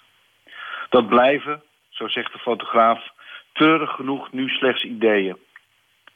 Het meest hartverscheurende qua reacties is het bericht dat haar moeder na Kim Walls dood op Facebook plaatste. She gave voice to the weak, vulnerable and mar marginalized people. That voice had been needed for a long, long time Now it has been silenced. Een journaliste die stem gaf aan de zwakken, de onderdrukte, de kwetsbaren. Een stem die nu gesmoord is. Hoe precies, dat weten we niet. Was het moord, een uit de hand gelopen ruzie? Doet dat ertoe? Nee dus. Want het leven is geen politieserie. Al denken veel bladen, kranten en tv-zenders van wel. Ik moet je wel zeggen, Don, dat ik ontzettend benieuwd ben wat die man nou gedreven heeft uh, om dit te doen. Wat er nou aan boord gebeurd is. Wat zich daar heeft Ja. voorgedaan. Maar dat is, dat is ook een beetje onze sensatiezucht natuurlijk. En natuurlijk zijn we daarin geïnteresseerd. Maar ja, er zijn, er zijn ook een hoop oudere interviews en gesprekken met die man te vinden. Want hij heeft ook raketten eh, zelf gebouwd. Het lijkt eigenlijk zo'n soort klassiek type nerd. Dus ik- ja, ik hoor ook natuurlijk heel veel gesprekken en speculaties over, over ruzies of, of een poging tot seksuele opdringerigheid die, die misgegaan. Dat, we weten het natuurlijk niet. Zijn biograaf noemde hem een eenmansleger in oorlog met de rest van de wereld. Mijn god, en dan zit je op een bootje met zo iemand. Met dat eenmansleger. Ja, nou, dat is wel een uh, nare omschrijving. Maar goed, zij was dus, die, die Kim Wall, of hoe je het ook uit moet spreken, was voor geen kleintje vervaard. Want die is op, de, op hele heftige plekken geweest. Ja, dus het is een, eh, een trieste zaak dit. Ja, dat is het, dat is het zonder meer. Maar ja, Ja, ik, vond, ik, ik, ik heb dit daar geschreven omdat ik erg last van... het zou zo treurig zijn als ze alleen maar wordt teruggebracht... tot dat einde als een romp. En dat is natuurlijk wat er gebeurt bij zo'n sensationele zaak. zeker. Maar ik wil toch het einde kennen van dit, eh, dit gruwelijke verhaal.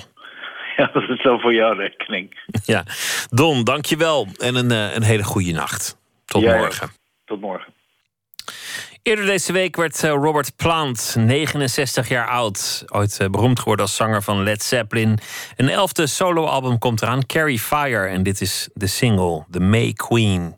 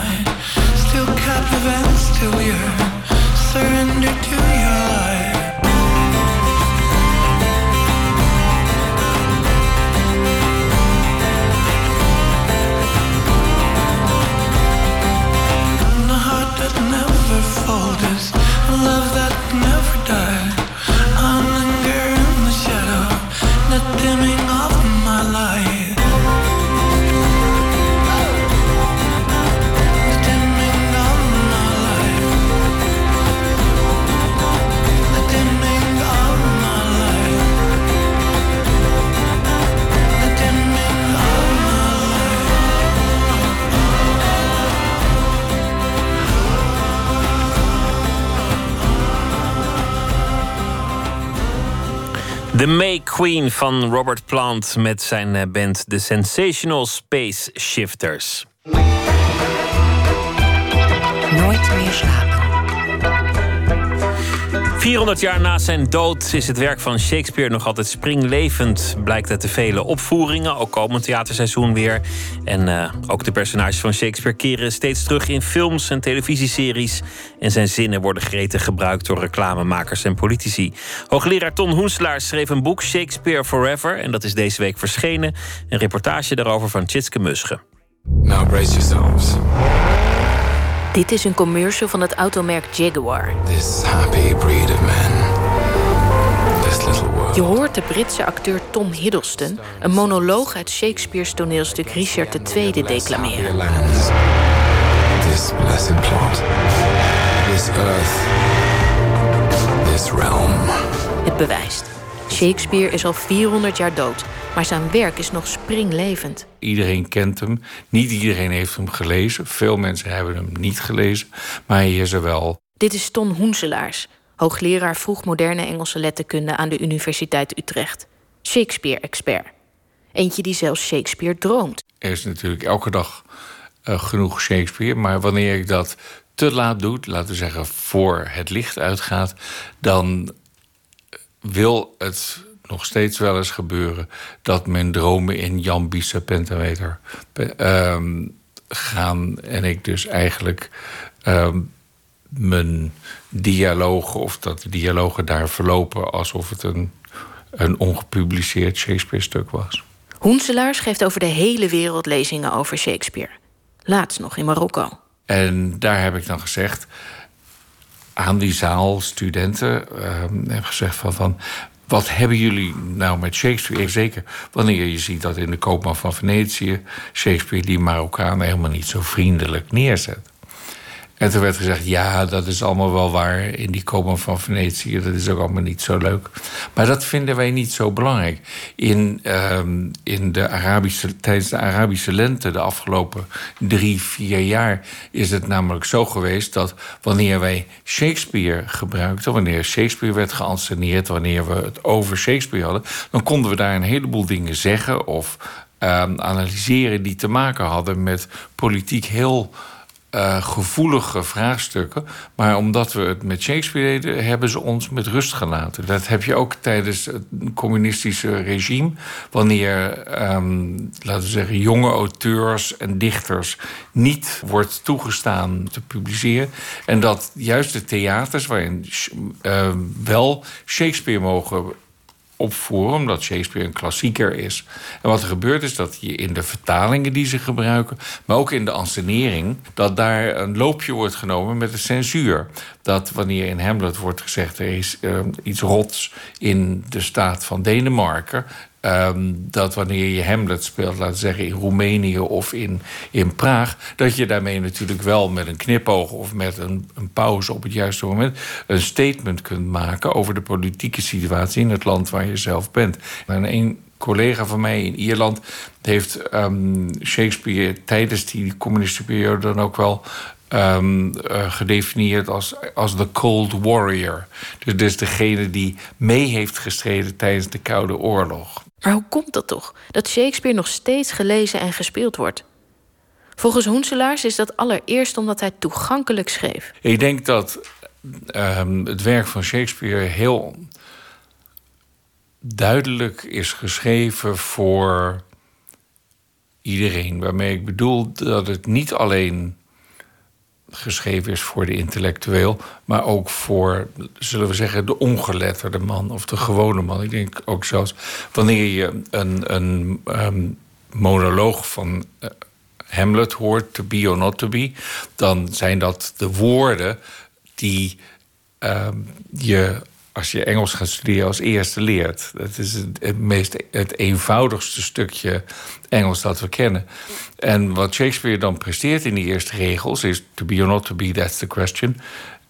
is om dan drie of vier andere versregels... of uh, meer zinnen te formuleren... waarin hetzelfde wordt gezegd, alleen anders. Dus iedereen kan op zijn niveau instappen in Shakespeare. Dat heeft ook weer te maken met het feit dat Shakespeare in het theater schreef. En wanneer het in het theater lawaaiig is, dan moet je eigenlijk, zoals ook vaak wanneer je college geeft en er geroezemoes is in de zaal, moet je ook dingen op vier manieren weten te zeggen. Dat maakt Shakespeare heel erg toegankelijk. Dat heb ik bijvoorbeeld wanneer ik de Faust van, Goethe lees, heb ik dat niet. Hij heeft natuurlijk hele andere mooie dingen, maar dat is één aspect van Shakespeare. Het andere is, denk ik, dat Shakespeare zijn toneelstuk althans, dat die gestructureerd zijn, hoe kan het ook anders, zou je zeggen, rond personages. En dat we de afgelopen nou, 400 jaar heel erg bezig geweest zijn met onszelf en de ander, met individuen, meer dan um, in andere historische periodes. En dat het iets is wat bij ons past, de manier waarop we onszelf zien, de manier waarop we over onszelf nadenken. En dan is Shakespeare als het ware een spiegel waarin we dingen vinden. Je kunt je natuurlijk wel afvragen, onmiddellijk, of niet Shakespeare juist degene is die ons zo over onszelf doet denken. Dus het is een wisselwerking dat wij zo over onszelf denken, maar dat is misschien omdat we allemaal op de middelbare school wel eens naar de getemde fake zijn geweest. En daar ideeën over liefde, over man en vrouw en over liefde en leeftijd en liefde en opvoeding uh, hebben gezien. Die gewoon mee blijven spelen in ons arsenaal in latere jaren. De grote levenslessen leren we van hem. De grote levenslessen. Ik, ik, weet niet of dat, dat nou lessen zijn. Ik denk eerder dat, want dat, dan zou men Shakespeare met een wijsvingertje zijn. Ik denk veel eerder dat Shakespeare je bewust maakt van wat een geest, wat, wat, wat een mens drijft, de emoties. Dat hij een soort bandbreedte aangeeft um, van menselijke emoties onder bepaalde omstandigheden. En dat we ons daar tot op zekere hoogte in herkennen. En dan na die herkenning komt dan het zich identificeren met, omdat je je eigenlijk voelt als Hamlet of als King Lear of als Othello. Maar Hamlet, King Lear en Othello zagen we de afgelopen 70 jaar niet meer alleen in Shakespeare stukken op het toneel terug. Ze hebben gedaanteverwisselingen doorgemaakt en zijn gecatapulteerd naar andere plaatsen en tijden, naar nieuwe media. Romeo en Juliet heten in West Side Story Tony en Maria en wonen in de Upper West Side in New York in plaats van in Verona. Tony! Maria! En Arnold Schwarzenegger speelt in Last Action Hero een moderne Hamlet. Met in zijn hand geen harnas, maar een machinegeweer. To be or not to be. Not to be. En niet te vergeten een van de meest recente Hollywood-producties waarin Shakespeare te herkennen is: House of Cards. Ik ben daar niet de eerste die zegt dat Frank Underwood um, een moderne versie is van Richard III, die onder meer met zijn kwade plannen ideeën deelt met het publiek. For those of us climbing to the top of the food chain, there can be no mercy. There is but one rule. Hunt or be hunted. Welcome back.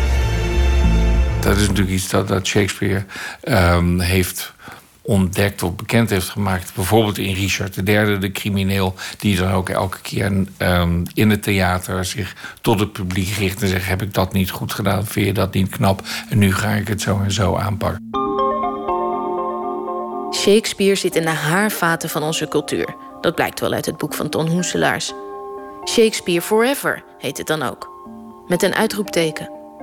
Maar er had ook een vraagteken kunnen staan. Persoonlijk ben ik wel eens bang dat net als Aeschylus of Sophocles, um, de grote uh, Griekse toneelschrijvers, dat ook Shakespeare maar een beperkte levensduur heeft. Ik denk dat Shakespeare gevaar loopt wanneer wij als mens veranderen En dus de mens of de mensheid van Shakespeare niet meer herkennen.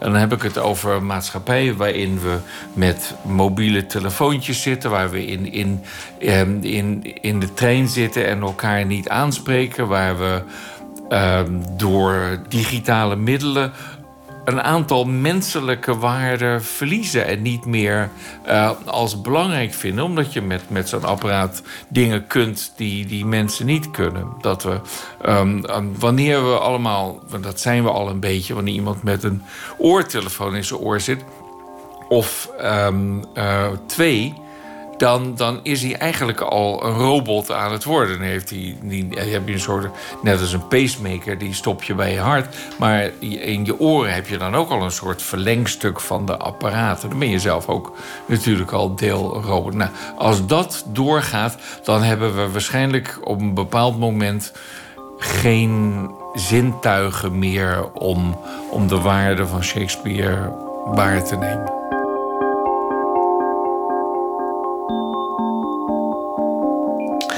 Al dus eh, Shakespeare-expert Ton Hoenselaars... naar aanleiding van het eh, boek Shakespeare Forever in gesprek met onze verslaggever Tjitske Musche. Veel Shakespeare eh, te zien en mee te maken komend theaterseizoen ook. Vanaf, uh, of tot en met 9 september in het Amsterdamse Bostheater. Julius Caesar door Orkater. Daarna ook door het hele land nog te zien. Vanaf 5 september bij het Nationaal Theater de voorstelling Het Verzameld Werk van Shakespeare. In reprise is dat. In regie van Teu eh, Boermans. Op één avond 37 stukken van Shakespeare aan elkaar gesmeed. Ook uh, muzikanten zijn altijd geïnspireerd geraakt door uh, Shakespeare. Rufus Wainwright bijvoorbeeld. Een paar jaar geleden zette hij een, uh, een van de sonetten op muziek. En we gaan luisteren naar een van die stukken van Rufus Wainwright. Sonnet nummer 29.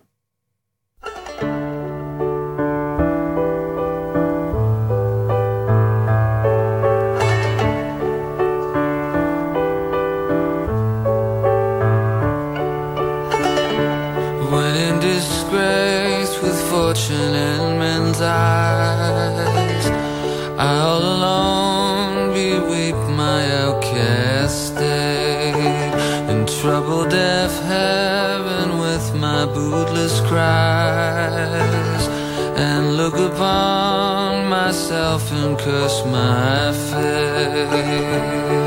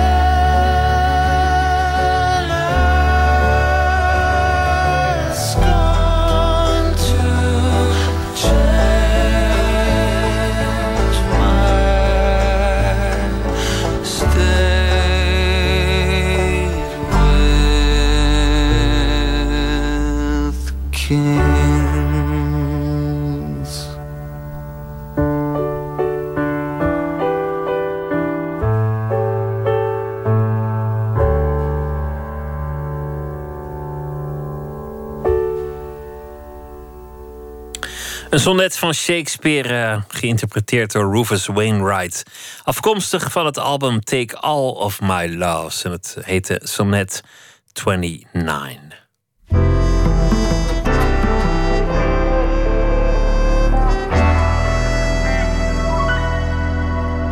De rubriek heet Open Kaart. 150 vragen over werk en leven. En de vragen staan op kaarten. De gast die trekt zelf de vragen. De gast is eh, de winnaar van de Amsterdamprijs voor de kunst. Werd vanavond eh, uitgereikt. De stimuleringsprijs ging naar eh, theaterproducenten Wellmade Productions. Vanwege de productie Racing in the Sun. En dat is een klassieker van Broadway. Een van de eerste zwarte producties die daar ooit te zien was. Gaat over een uh, familie in Chicago. En uh, de voorstelling kwam mede tot stand dankzij crowdfunding. En te gast is uh, een van de oprichters van Wellmade Productions, Ellen Chonamel. Hartelijk welkom en allereerst gefeliciteerd. Dankjewel, Pieter. Dankjewel. Dit, uh, dit was een voorstelling waarvan het eerst een beetje onzeker was of het wel allemaal zou gaan gebeuren. Of die voorstelling er wel zou komen. Jullie moesten geld bij elkaar krijgen. En uh, jullie moesten nog een, een, impresariaat vinden die het ook echt ging boeken. Um, dat tweede is niet helemaal waar. Uh, we hebben geprobeerd om het via een, een, impresariaat geboekt te krijgen. En uiteindelijk, na gesprekken met een aantal mensen, hebben we besloten om het zelf te gaan verkopen aan de theaters. Omdat ook wel bleek van wij kunnen ons, Samora Bergtop en ik, kunnen het verhaal wat we willen vertellen. Uh, binnen de theaters het zelf het beste verkopen. Dus we hebben dat zelf gedaan. En het is in het begin best wel lastig geweest, omdat we gewoon nieuwkomers zijn. Niemand kende ons. En, um, uh, maar we hebben het met succes weten te verkopen, zowel de eerste tour als de reprise tour. En nou ja, men kent ons nu. Dus ook onze tweede voorstelling hebben we gewoon echt veel makkelijker weten te verkopen.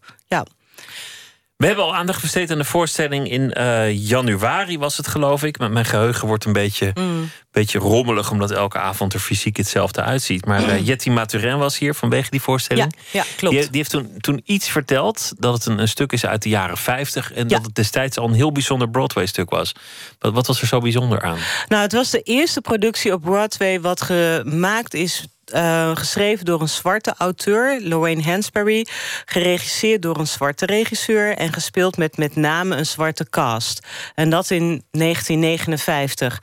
En ook zij hebben moeite gehad om dat stuk op Broadway te krijgen. Om dat gefinancierd te krijgen. Maar uiteindelijk is het hun wel gelukt. En um, uh, achteraf, wij hoorden vorig jaar ook um, dat um, die productie toen de tijd moeite had om de financiën bij elkaar te krijgen... en hulp hebben gevraagd van medeproducenten. En zonder dat wij dat wisten, hebben wij hetzelfde gedaan. We hebben van de zomer 2016 een reprise tour gepland... Um, en we hadden de financiën niet op orde... omdat een fonds ons had afgewezen. Toen hebben wij bedacht, wij, zijn, wij gaan een crowdfunding starten... maar um, uh, niet zomaar, wij zijn op zoek naar medeproducenten... mensen die ons echt steunen. En binnen nou, tweeënhalve week hadden we het geld bij elkaar. En 150 mensen, uh, waaronder ook een aantal instellingen, bedrijven... hebben dus gedoneerd. Dus wij zijn eigenlijk zeg maar in de geest van die eerste voorstelling... Hebben zijn wij... jullie ook getreden om, om, het, om ja. het nu hier aan de andere kant van de oceaan uh, alsnog 60 te doen? jaar later, om dat uh, via dezelfde manier voor elkaar te krijgen. Ja. 1959 was de tijd van de segregatie in de Verenigde Staten. Uh, in, in New York speelde dat wat minder dan in het zuiden. Maar toch was het bijzonder dat zo'n voorstelling Broadway haalde en daar ook een succes werd. Ja dat is maar een van de redenen waarom er nog vaker aan die voorstelling gerefereerd wordt. Het gaat ook om, om de inhoud van het stuk. Absoluut. Het is nog steeds actueel. Ook al speelt het zich af in 1959. We hebben het in 2016 in Nederland gezien. Het wordt wereldwijd nog steeds gespeeld. En het is ontzettend actueel. Ja, meer. Ja.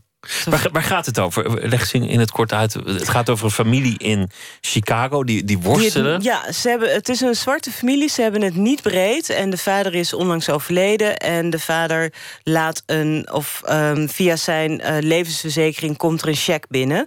En um, dat geld is van nou, zo'n hoog bedrag dat elk afzonderlijk familielid um, uh, een idee heeft hoe dat geld uit te geven, zodat de familie of um, hunzelf het beter kunnen krijgen. Het gaat eigenlijk om uh, progressie, om vooruitgang. Hoe wil je dat doen? En eh, de moeder bijvoorbeeld, die wil heel graag een ander huis. Want ze wonen heel klein in een zwarte buurt um, met weinig mogelijkheden. Maar zij wil heel graag een groter huis met een tuin in een goede buurt. Wie wil niet goed wonen? Toch? Ja, dat is een, een, een, open vraag. Ja, de zoon wil heel graag ondernemen. Die wil niet meer in loondienst en een lullig baantje hebben... maar wil een eigen bedrijf beginnen.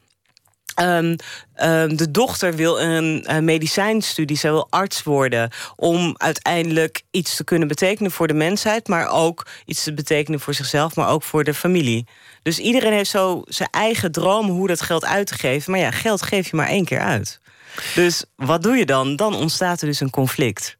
En dat is altijd mooi voor een voorstelling. Er zijn andere schrijvers door beïnvloed geraakt. En die, die hebben ook weer stukken geschreven die een soort van vervolg zijn of zouden kunnen zijn. Ja. En, en jullie maken er uiteindelijk ook een, een trilogie van. Ja, het is ook een bestaande trilogie in de Verenigde Staten. Dat heet ook The Racing Cycle. En dat bestaat uh, uh, in eerste instantie uit de eerste voorstelling A Race in the Sun. En uh, jaren later, in 2010, heeft. Um, uh, is er het stuk gekomen uh, Claiborne Park uh, van, van, van, Bruce, Bruce Norris. Norris. Ja. ja, en daarna um, um, Benita's Place. en wij gaan die twee andere stukken ook spelen. Wij maken onze trilogie ook. En um, in het Nederlands vertaald met de Nederlandse cast. En in mei 2018 gaan we dus in première met Benita's Place. Wij draaien het even om. En in 2019 gaan wij um, Park spelen. En um, wat wij willen toevoegen is in 2020, het zijn heel veel jaartallen, maar um, wij willen aan de trilogie een vierde deel toevoegen. Dus een toevoeging aan de bestaande Racing Cycle. En hebben jullie daar een stuk voor? Dat wordt gemaakt. De ideeën zijn er. Ja, het wordt vertaald. Uh, de eerste drie stukken worden vertaald door Esther Duisker. Zij is uh, scenarist. Um, en zij vertaalt onze, uh, nou ja, de trilogie. En um, zij heeft ook ideeën samen met ons om nou ja, het vierde stuk te maken. En die gaan we ook wereldwijd pluggen. Dat, wij gaan ervoor zorgen dat die Racing Cycle niet meer uit drie stukken gaan bestaan, maar uit vier stukken. Voortaan. Ja. Nou, niemand kan jullie nog tegenhouden, want nee. uh, de prijs zit in jullie zak. Dus uh, uh, voorwaarts zou ik zeggen. Hier, hier zijn de kaarten en ik wil je vragen om, om een vraag te trekken. Kijken waar ja. we uitkomen.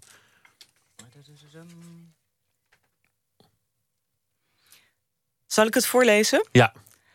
Um, wanneer is het werk. Nee, wanneer is het idee voor dit werk geboren? Dat is wel grappig. Uh, uh, daar heb ik een heel concreet antwoord op. Um, ik heb een tijdje in Suriname gewoond. En ik heb daar Samora Bergtop ontmoet. Zij was toen de tijd in Suriname om onderzoek te doen voor een voorstelling van een, uh, die zij zelf wilde spelen toen de tijd. En wij zijn elkaar uit het oog verloren. En in 2012 woonde ik weer in Nederland. Ik stond in de Coffee Company in Amsterdam. En ik werd op mijn schouder getikt door Samora Bergtop. En ik herkende haar niet. En zij had echt zoiets van: hé, hey, maar we kennen elkaar uit Suriname, toch? Wij zijn toen koffie gaan drinken en aan de praat geraakt. En um, kwamen er eigenlijk achter dat wij gewoon best wel veel raakvlakken hadden over. Um, wat uh, wil je bijdragen met je werk in Nederland? Zij is actrice, ik ben producent. En um, zij kwam heel concreet ook met het idee: ik wil andere, ik wil gewoon een voorstelling maken uh, met zwarte acteurs, een zwart verhaal. Wil je dat produceren? En ik zei ja. Ik had geen idee waar we instapten. En zo zijn we eigenlijk begonnen. En vanaf eigenlijk het eerste moment was er een klik. Uh, een gemeenschappelijke basis en een gemeenschappelijke, gemeenschappelijke visie. En um, nou ja, we hebben dat omgezet in een, uh, in een bedrijf. En van één voorstelling, een kleine voorstelling... is het geworden tot nou ja, waar we nu staan. We hebben nu vorig jaar Raced in the Sun neergezet... en uh, gaan de komende paar jaar uh, van ons laten horen met meer voorstellingen. Zo is het idee geboren. Nou, een heel duidelijk antwoord ja. op een, op een uh, ook, ook niet heel onduidelijke vraag trouwens. Laten we nog geen uh, doen. Wat is je sterkste eigenschap? Um, um, wat zowel privé en als in mijn werk naar voren komt, is dat ik organisatorisch sterk ben. Ja. En dat kan soms thuis wel eens doorslaan als je mijn man vraagt. um, um, Maak je dan thuis ook lijstjes en, ja. uh, en call sheets? En, uh... Ja, call sheets nog net. Ik noem ze niet zo, maar we hebben een centrale agenda. Een digitale centrale agenda. En, gaat hij uh, gaat op minuten of kwartieren? Gaat op half uren. Oh. Ja. Nou, dat valt nog wel mee. Ja, en hij staat gewoon echt ook volgepland. En zodat we weten wie wanneer waar is. Um, zodat we. Uh, want we zijn allebei hartstikke druk. We hebben samen een kind. Uh, we hebben ambities. Dus dat moet wel een beetje gekanaliseerd en gecoördineerd worden. Dus um, uh, ja, dat is denk ik mijn sterkste eigenschap. En ik hou er ook wel van, omdat. Um, uh, dat geeft mij een gevoel van controle. Omdat ik heel veel dingen in mijn hoofd heb. Ik ben met heel veel dingen bezig. Zowel privé als met werk. En als ik het niet in een planning zie of op een rijtje heb... dan wordt het chaos en dan ga ik dingen vergeten. En ik wil gewoon niks vergeten. Wat goed. Nou zei Robert Dijkgraaf laatst tegen mij, de, de, ja? de wetenschapper die, die de agenda heeft, die, die echt op minuten gaat, dat hij dan ook in zijn agenda zet af en toe een uur uit het raam kijken. Dat heb ik niet. Of een uur voor je uitstaren. Ja, maar dat zou ik misschien wel moeten doen. Kun je natuurlijk ook gewoon inplannen als je dan toch bezig bent. Ja, dat zou ik misschien wel moeten doen. Ja. ja zie, we komen, we komen ergens zijn. vandaag. Ja, ja. Laten we nog een vraag doen. Geloof je in goed en kwaad? Hmm, beetje algemeen, moet ik zeggen. Um, ik geloof dat de mens ja, neutraal geboren wordt... en door nurture en nature goed en kwaad leert. En dat je als volwassen persoon um, um, ja, bewust en onbewust um, uh, kiest of goed en kwaad doet. Dus ja, daar geloof ik wel in. De mens als ja. onbeschreven blad ja. en, en die, die leert om te haten, om, om hebzuchtig ja. te worden, afgunstig te worden. Al die dingen die, die komen later. Ja, dat dat een, dan heb je toch een positief mensbeeld. Ik heb een heel positief mensbeeld. Ik heb een dochter en ze is inmiddels zes. En um, ik zie wat haar omgeving, wat voor invloed haar omgeving op haar heeft. Ik zie de, um, haar karakter. En ik ken haar natuurlijk ook gewoon als baby. Die, nou ja, alleen maar liefde wil en, um, um, en ja, liefde, geborgenheid en voeding. Ja, voeding, ja. ja, nee, ik geloof wel in goed en kwaad. En bij de ene persoon meer uh, bewust als onbewust. Maar ik geloof wel dat het een, een aangeleerd iets is. En ook dat het iets in het karakter zit. De ene mens is misschien wat vatbaarder voor dan de ander. Maar het is te overwinnen, dus uiteindelijk. Daar ook. geloof ik wel in. En dan geloof ik ook met, onze, met ons werk. Uh, waar wij voor staan, is um, andere beeld. Nee, veelkleurigheid van beelden en verhalen in de wereld of in Nederland. Um, waardoor je elkaar kent, waardoor de ander geen vreemdeling is en waardoor je makkelijker samenleeft, makkelijker door een deur kan, begrip hebt voor elkaars standpunten en daardoor minder kwaad denkt over de ander. Ik denk dat je dat met cultuur bij uitstek kunt bereiken. Dat met, met boeken, met muziek, met voorstellingen, films. Ja, daar ben ik, ik denk dat dat, dat dat de kortste weg naar de emotie en de empathie Ja, is. het, voor, ja, het is het communicatiemiddel uh, bij uitstek. Daar geloof ik echt in. Ja.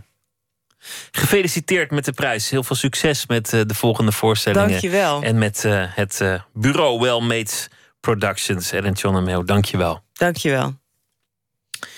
De Amerikaanse soulzangeres Jackie Ross zat uh, in de jaren 60 bij het label Chess, voornamelijk gespecialiseerd in de blues. 1956 nam ze een album voor hun op uh, Full Bloom en dit uh, nummer staat er ook op Take Me for a Little While.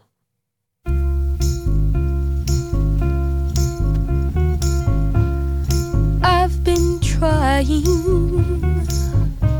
to make you love me. Everything I try just takes you further from me. You don't love me, so you treat me cruel.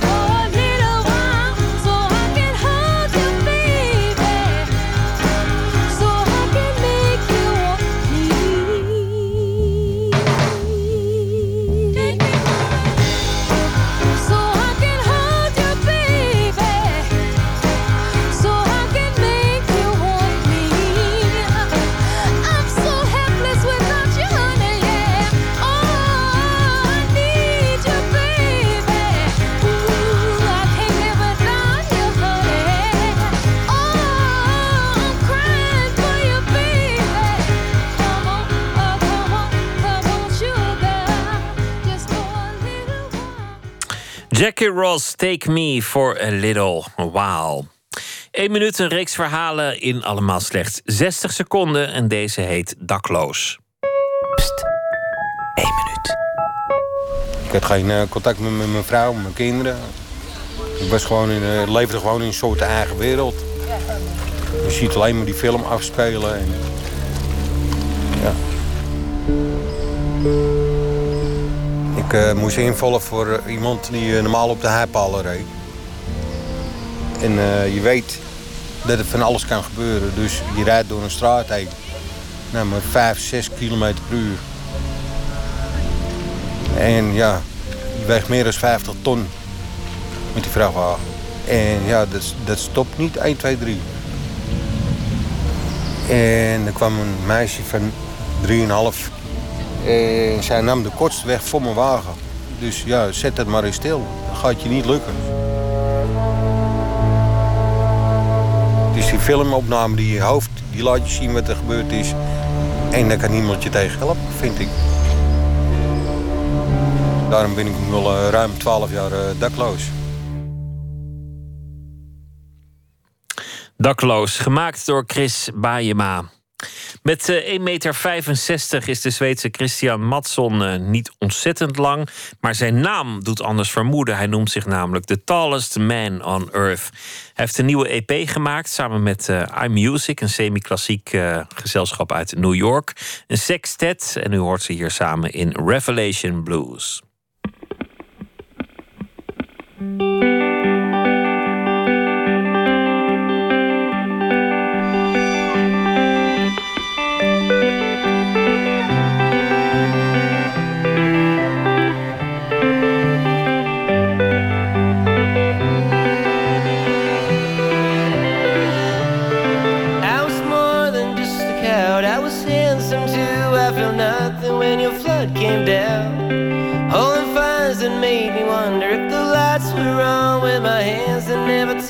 program.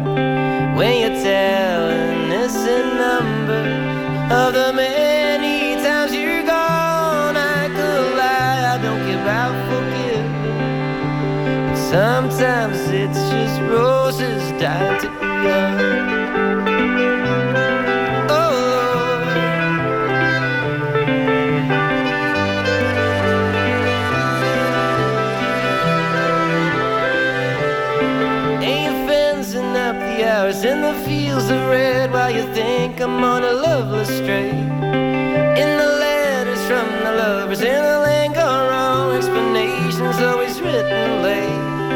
When you tell and curse the framing of the crying you first song, I could lie, I don't care about what's missing. But sometimes it's just roses dying to be young.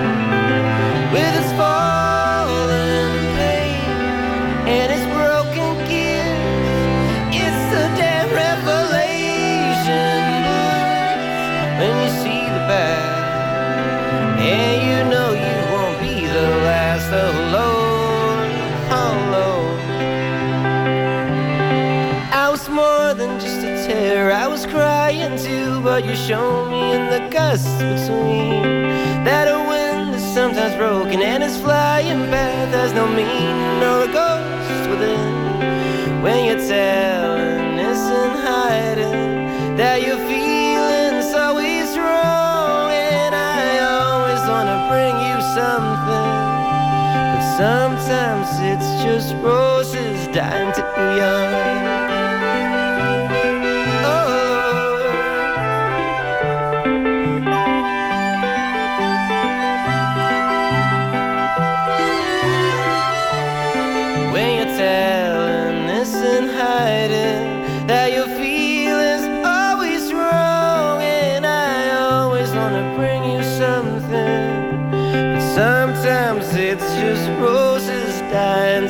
Yeah.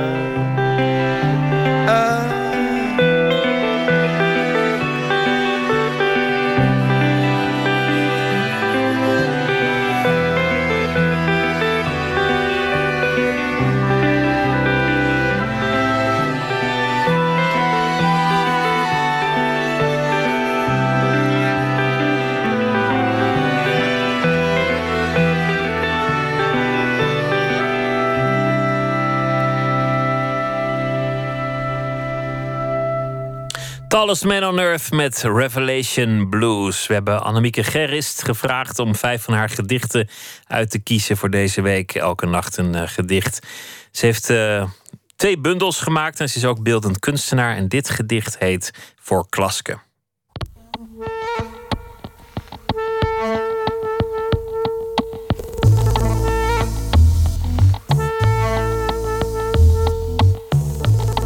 Voor Klaske. Ik ben hier op bezoek. Ook al is het huis niet goed of af en past het bezoek nergens.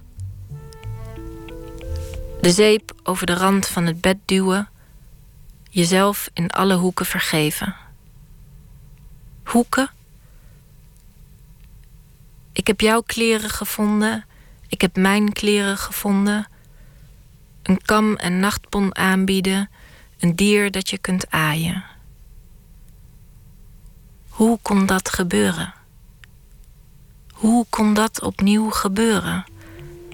Waar keek ik toen ik binnenkwam? Het gedicht is voor een vriendin van mij, met wie ik op de kunstacademie zat. En we hebben van de klas waar, waar ik toen in zat nog steeds contact met elkaar. En laten nog steeds bijna als eerste elkaar het werk zien. Zowel beeldend als, als tekst. En dat is een heel um, ja, bijzondere groep mensen, omdat we vier jaar elkaars allerslechtste werk hebben gelezen en alle dieptepunten hebben gezien. Dus de schaamte is gewoon helemaal weg. En ik weet ook altijd zeker dat zij super eerlijk zullen zeggen wat ze ervan vindt. Dus uh, ik vertrouw hen helemaal. Een Klaske is iemand uh, die muziek maakt en, en ook schrijft en ook beeldende kunst maakt, net als ik. En uh, het is moeilijk om, om meerdere dingen te doen en daar wel of geen keuzes in te maken. Dus we hebben veel overeenkomsten daarin. En ik voel me altijd heel erg thuis in haar muziek. Ik luister haar muziek ook vaak als ik schrijf. Ik lees het gedicht nog een keer. Ik ben hier op bezoek.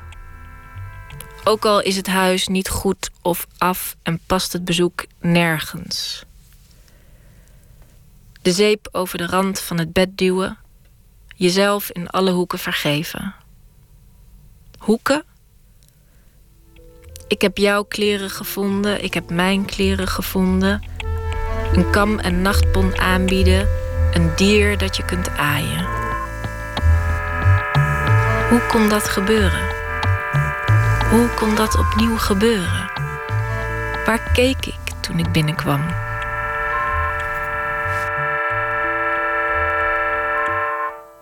Annemieke Gerrist las het gedicht voor Klaske. Afgelopen week einde stond ze nog op Lowlands. Hier is uh, Elbow. What time do you call this?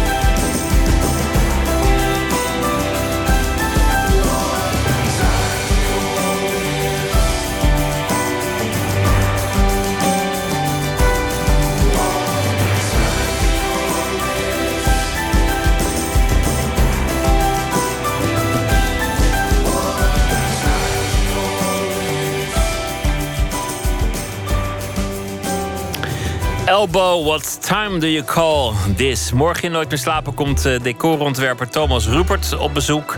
Werkt veel samen met uh, Connie Jansen en nu ook. Hij heeft een uh, 25-jarig jubileum.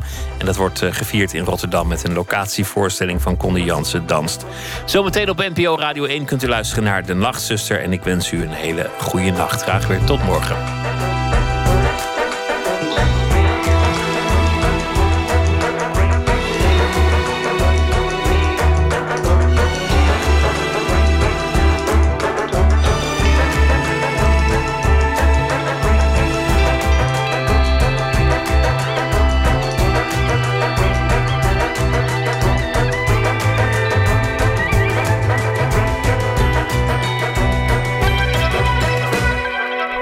Radio 1. Het nieuws van alle kanten.